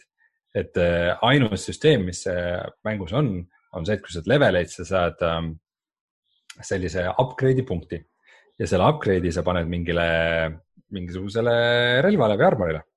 ja see upgrade'i punkt ei anna siis lihtsalt nagu pluss üks damage'it äh,, vaid äh, see, see, kuidas sa mingit konkreetset relva siis upgrade'id, annab tal siis mingisuguseid uusi skill'e või oskuseid või nagu boonuseid.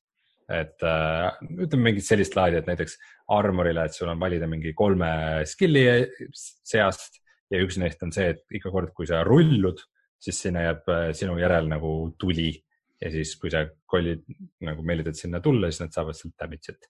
aga siuksed noh, esialgu asjad, mis nagu liiga palju nagu mängu ei mõjuta, pigem siuksed väiksed boonused. aga neid on seest väga palju erinevaid, et, et nagu isegi mõõgal ja mõõgal, mis näevad samasugused välja, võivad olla nagu erinevad skill'id, mida saad upgrade ida. ja see tundub alguses nagu hästi veider, et miks ma oma siis nagu leveliga teenitud punkti peaksin ära kulutama oma varustuse peale mis ma võin ju kohe leida parema mõõga, et mis, mis siis viskan ära selle. aga sa põhimõtteliselt saad selle oma eelmise mõõga lihtsalt laiali lammutada, saad selle punkti tagasi.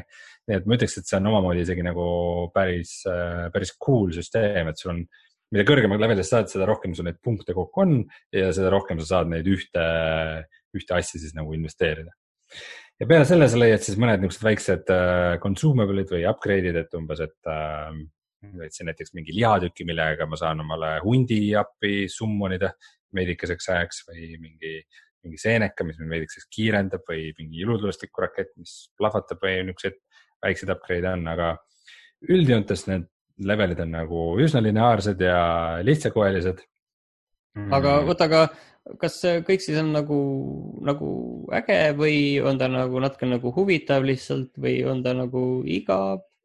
No mina ütleks, et minu jaoks oli ta ikkagi pigem Minecraft Dungeons, minu jaoks pigem on igav, et äh, nagu erilist sügavust või midagi ei ole.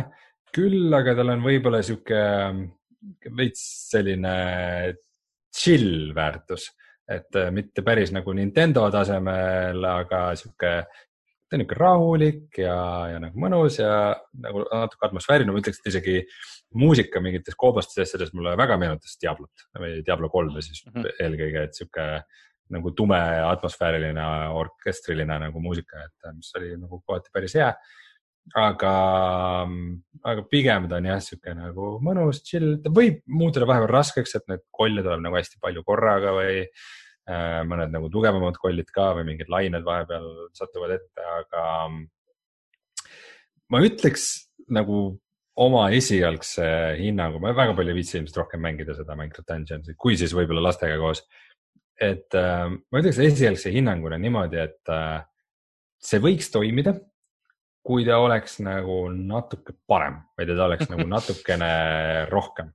et äh,, et ta ei tundu nagu jõhkralt viimistletud mingis mõttes, et äh, mitte, et ta kuidagi oleks nagu katkine või pogine, pugine või poolik või midagi sellist, aga aga noh, see kogu elamus tervikuna ei, ei tundu, et ta on nüüd nagu viimse detailini nagu lihvitud ja, ja läbimõeldud, et pigem ta on natukene kuidagi sihuke suvakas oma olemuselt. ja ma olin väga pettunud, kui ma lugesin ka nüüd ähm, selle kohta, et kuidas seda on koos mängida, et, et ma proovisin huvi pärast, et seda iseenesest saab kuni neljakesi koos mängida. et äh, põhimõtteliselt oli alguses kuulutati välja, et nagu äh, ühe masina taga, tal on crossplay, ta on umbes äh, Switch'i, Xbox'i, arvuti ja vist ka Playstationi peal yeah.. ja, ja et ta võib igal pool mängida ja koos ja in and out ja drop in ja mis iganes. Äh, esiteks mm,, ma mängisin seda launch'i päeval ja mul ei õnnestunud leida ühtegi gruppi, millega ühineda ja mitte keegi ei ühinenud minu grupiga mm ma ei tea, miks, aga nagu sellist nagu üle neti multiplayer'it mina põhimõtteliselt ei näinudki, et see mm. võiks mm. töötada üldse. Äh, teiseks, äh, crossplay on ainult äh, arvuti ja Xbox'i vahel, et teised konsoolid on, on vist ametlik teade, et me vaatame, kas saab ja noh, me teame, et saab, sest et mitmed mängud seda teevad, eriti äh, Epic ju Fortnite on seda tõestanud, et see on võimalik ja see on Unreal'i mäng. ehk siis, et miks see Unreal'i mängul juba ei toimi, on minu jaoks mm. nagu väga suur küsimärk. Äh, kolmandaks, eriti jabur asi, ühe arvuti taga äh, saab seda mitmekesi mängida küll, aga siis peavad kõikidel mängijatel olema kontrollerid, äh, mis mingisugused puldid. Ehk -hmm. siis selline võimalus, et üks mängija mängib hiireklaviatuuriga kuidas noh, ilmselgelt seda ongi kõige loogilisem mängida, sest sa ju klikid kollide peal nagu Diablod ongi põhimõtteliselt siuksed klikerid. Äh, ja vastiga liikuda ei saa, mis on ka väga imelik. Äh, aga, aga siia ei ole võimalik, et üks mängib hiireklaviatuuriga ja teine puldiga, et kõikidel mängijatel mitmekesi mängides või arvutidega peavad olema puldid. ehk siis nagu väga palju siukseid agasid ja miinuseid on, mis äh, ma oleks eeldanud, et nagu on juba täidetud, et natukene jääb jälle mulje, et Microsoft nagu lükkas selle kiiresti uksest välja, et saada omale nagu seda Gamepassi fillerit juurde. et, äh, et, et mingis mõttes ikkagi kasutamata võimalus ja ma arvan, et äh, ma arvan, et väga edukaks see mäng äh,. täishind, täishind ma vaatasin, et on ikkagi kakskümmend ja äh, dollarit siis ja kui sa tahad seda DLC-d, siis on kolmkümmend. et mingi DLC on kohe varsti tulemas ja ma olen, ma olen kuulnud, et see suhteliselt lühike ka, et äh, mingisugune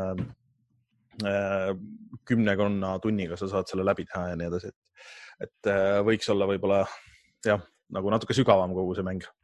Steamis vist ei ole, onju Äh, ei ole, ma kusjuures mul jooksis praegu, kes videoversiooni vaatavad ja imestavad, kuhu kadus äh, videopilt, siis äh, mul selle peale kadus või jooksis brauserid kokku, aga, aga ühesõnaga ei leidnud seda Steamist ega Epicust ja see vist on Microsofti enda poes ainult või midagi siukest, et, et, et ei olnud nii lihtne. Vot. väga nukker et jah, aga ma lihtsalt paarigi sõnaga ütlen seda What the Golfist, et mulle see ikka väga meeldis, et see nüüd tuli Switchi peale, et see Epicus on olnud juba mõnda aega aga et ma täitsa soovitan äh, siia selle lastega mängimise jutu juurde, et, et see on üks väheseid mänge, mis äh, on suutnud mind ka üllatada ja vaata mängudes on seda huumorit on nagu raske teha. aga see tihtipeale mängib, et noh, see on nagu golfimäng on ju, et sul on vaja midagi saada, noh, alguses alustad, sul on mängija ja golfikepp ja pall ja kõik ja näed seda auku ja et, et ürita siis äh, pall auku lüüa. Aga nagu selgub, et siis sa võib-olla ei löögi seda palli, et võib-olla sa lööd seda äh, mängijat lööd sinna auku või võib-olla sa lööd seda noolt sinna auku või äh, võib-olla sa pead hoopis, võib-olla su pall on sticky ja võib-olla su pall plahvatab ja võib-olla sul on vaja saada hoopis äh, vaas sinna auku ja võib-olla see auk üldse liigub või, või äh, et see, sa ei tea üheski levelis, täpselt, mis sind ootab ja ta suudab nagu üllatada ja seal on eh, daily challenge'id ja et seal on nagu see sisu päris palju ja leveleid ka. aga nagu kas see on nagu natuke nagu selline code simulator, et eh, korra on naljakas või on järgmisel päeval ka veel naljakas? kurat, ma ei tea, mul siiamaani on nagu järjest nagu naljakas, et kuna iga level on ikkagi uus nali ja see iga, iga level kestab mingi põhimõtteliselt mingi paar sekundit, et sa võid minna tagasi.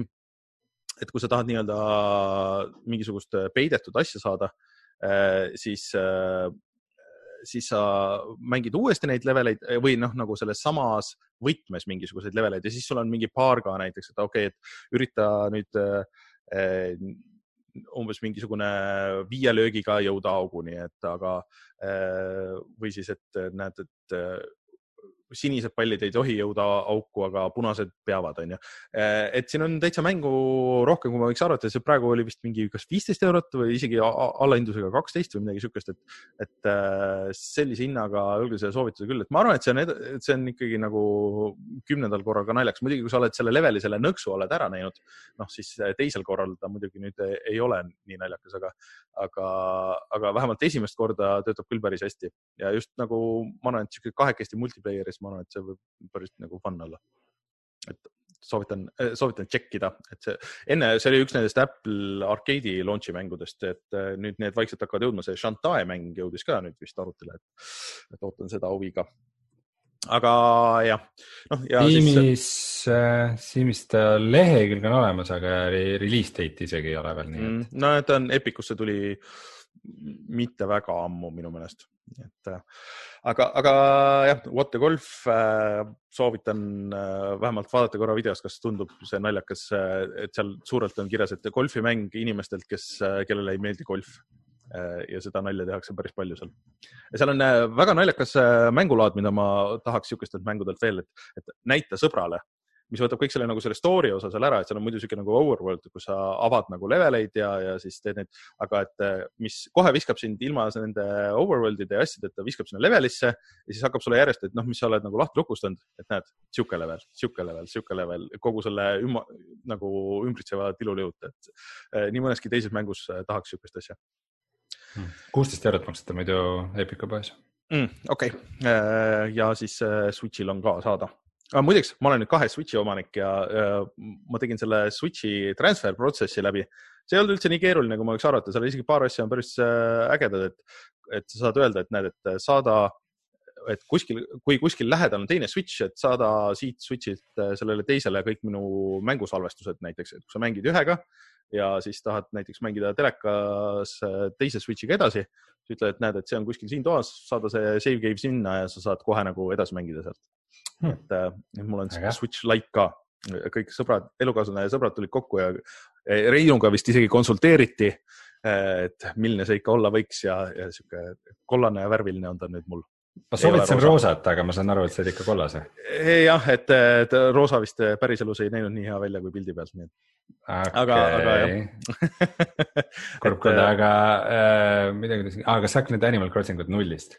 ei saa mängida kui sa tahad, ma võin rantida sellel teemal, sest et äh, Animal Crossing ut, see on mul digitaalselt kui ma tahaks mängida, ma näen seda küll selle teise Switch'i listis, aga äh, kuna see on seotud minu kontoga, siis ta ütleb, et ei, et seda ei saa siin mängida, et see on selles teises, ma pean selle nagu sealt teisest Switch'ist siis täiesti ära kustutama. ainuke lahendus, mis oleks, oleks see, et äh, ma ostaks füüsilise Animal äh, Crossingu teise koopia ja siis mängiks seda, et isegi kui ma ostaks teise konto alt mis on minu kontoga seotud, siis elukaaslase konto alt äh, ostaks uue digitaalse versiooni, see ei tööta ma pean ostma teise füüsilise koopia, siis ma saan seda ja siis ma pean ka nullist alustama kõik. muidugi ma saaks kantida nagu ühelt saarelt teisele nagu seda raha, kui ma tahaks, ma saaks vähe kiiremini nagu teha asju, aga, aga ma seda, seda ma ei hakka tegema. ma olen viimasel ajal ka väga palju Animal Crossingut mänginud, äh, mänginud, et aitäh küsimast. Vot, aga ma arvan, et tõmbame seekord saatele äh, siin otsa peale ja siis tuleme kohe tagasi ja vaatame, mis on internetis odav, sest et neid asju jagub.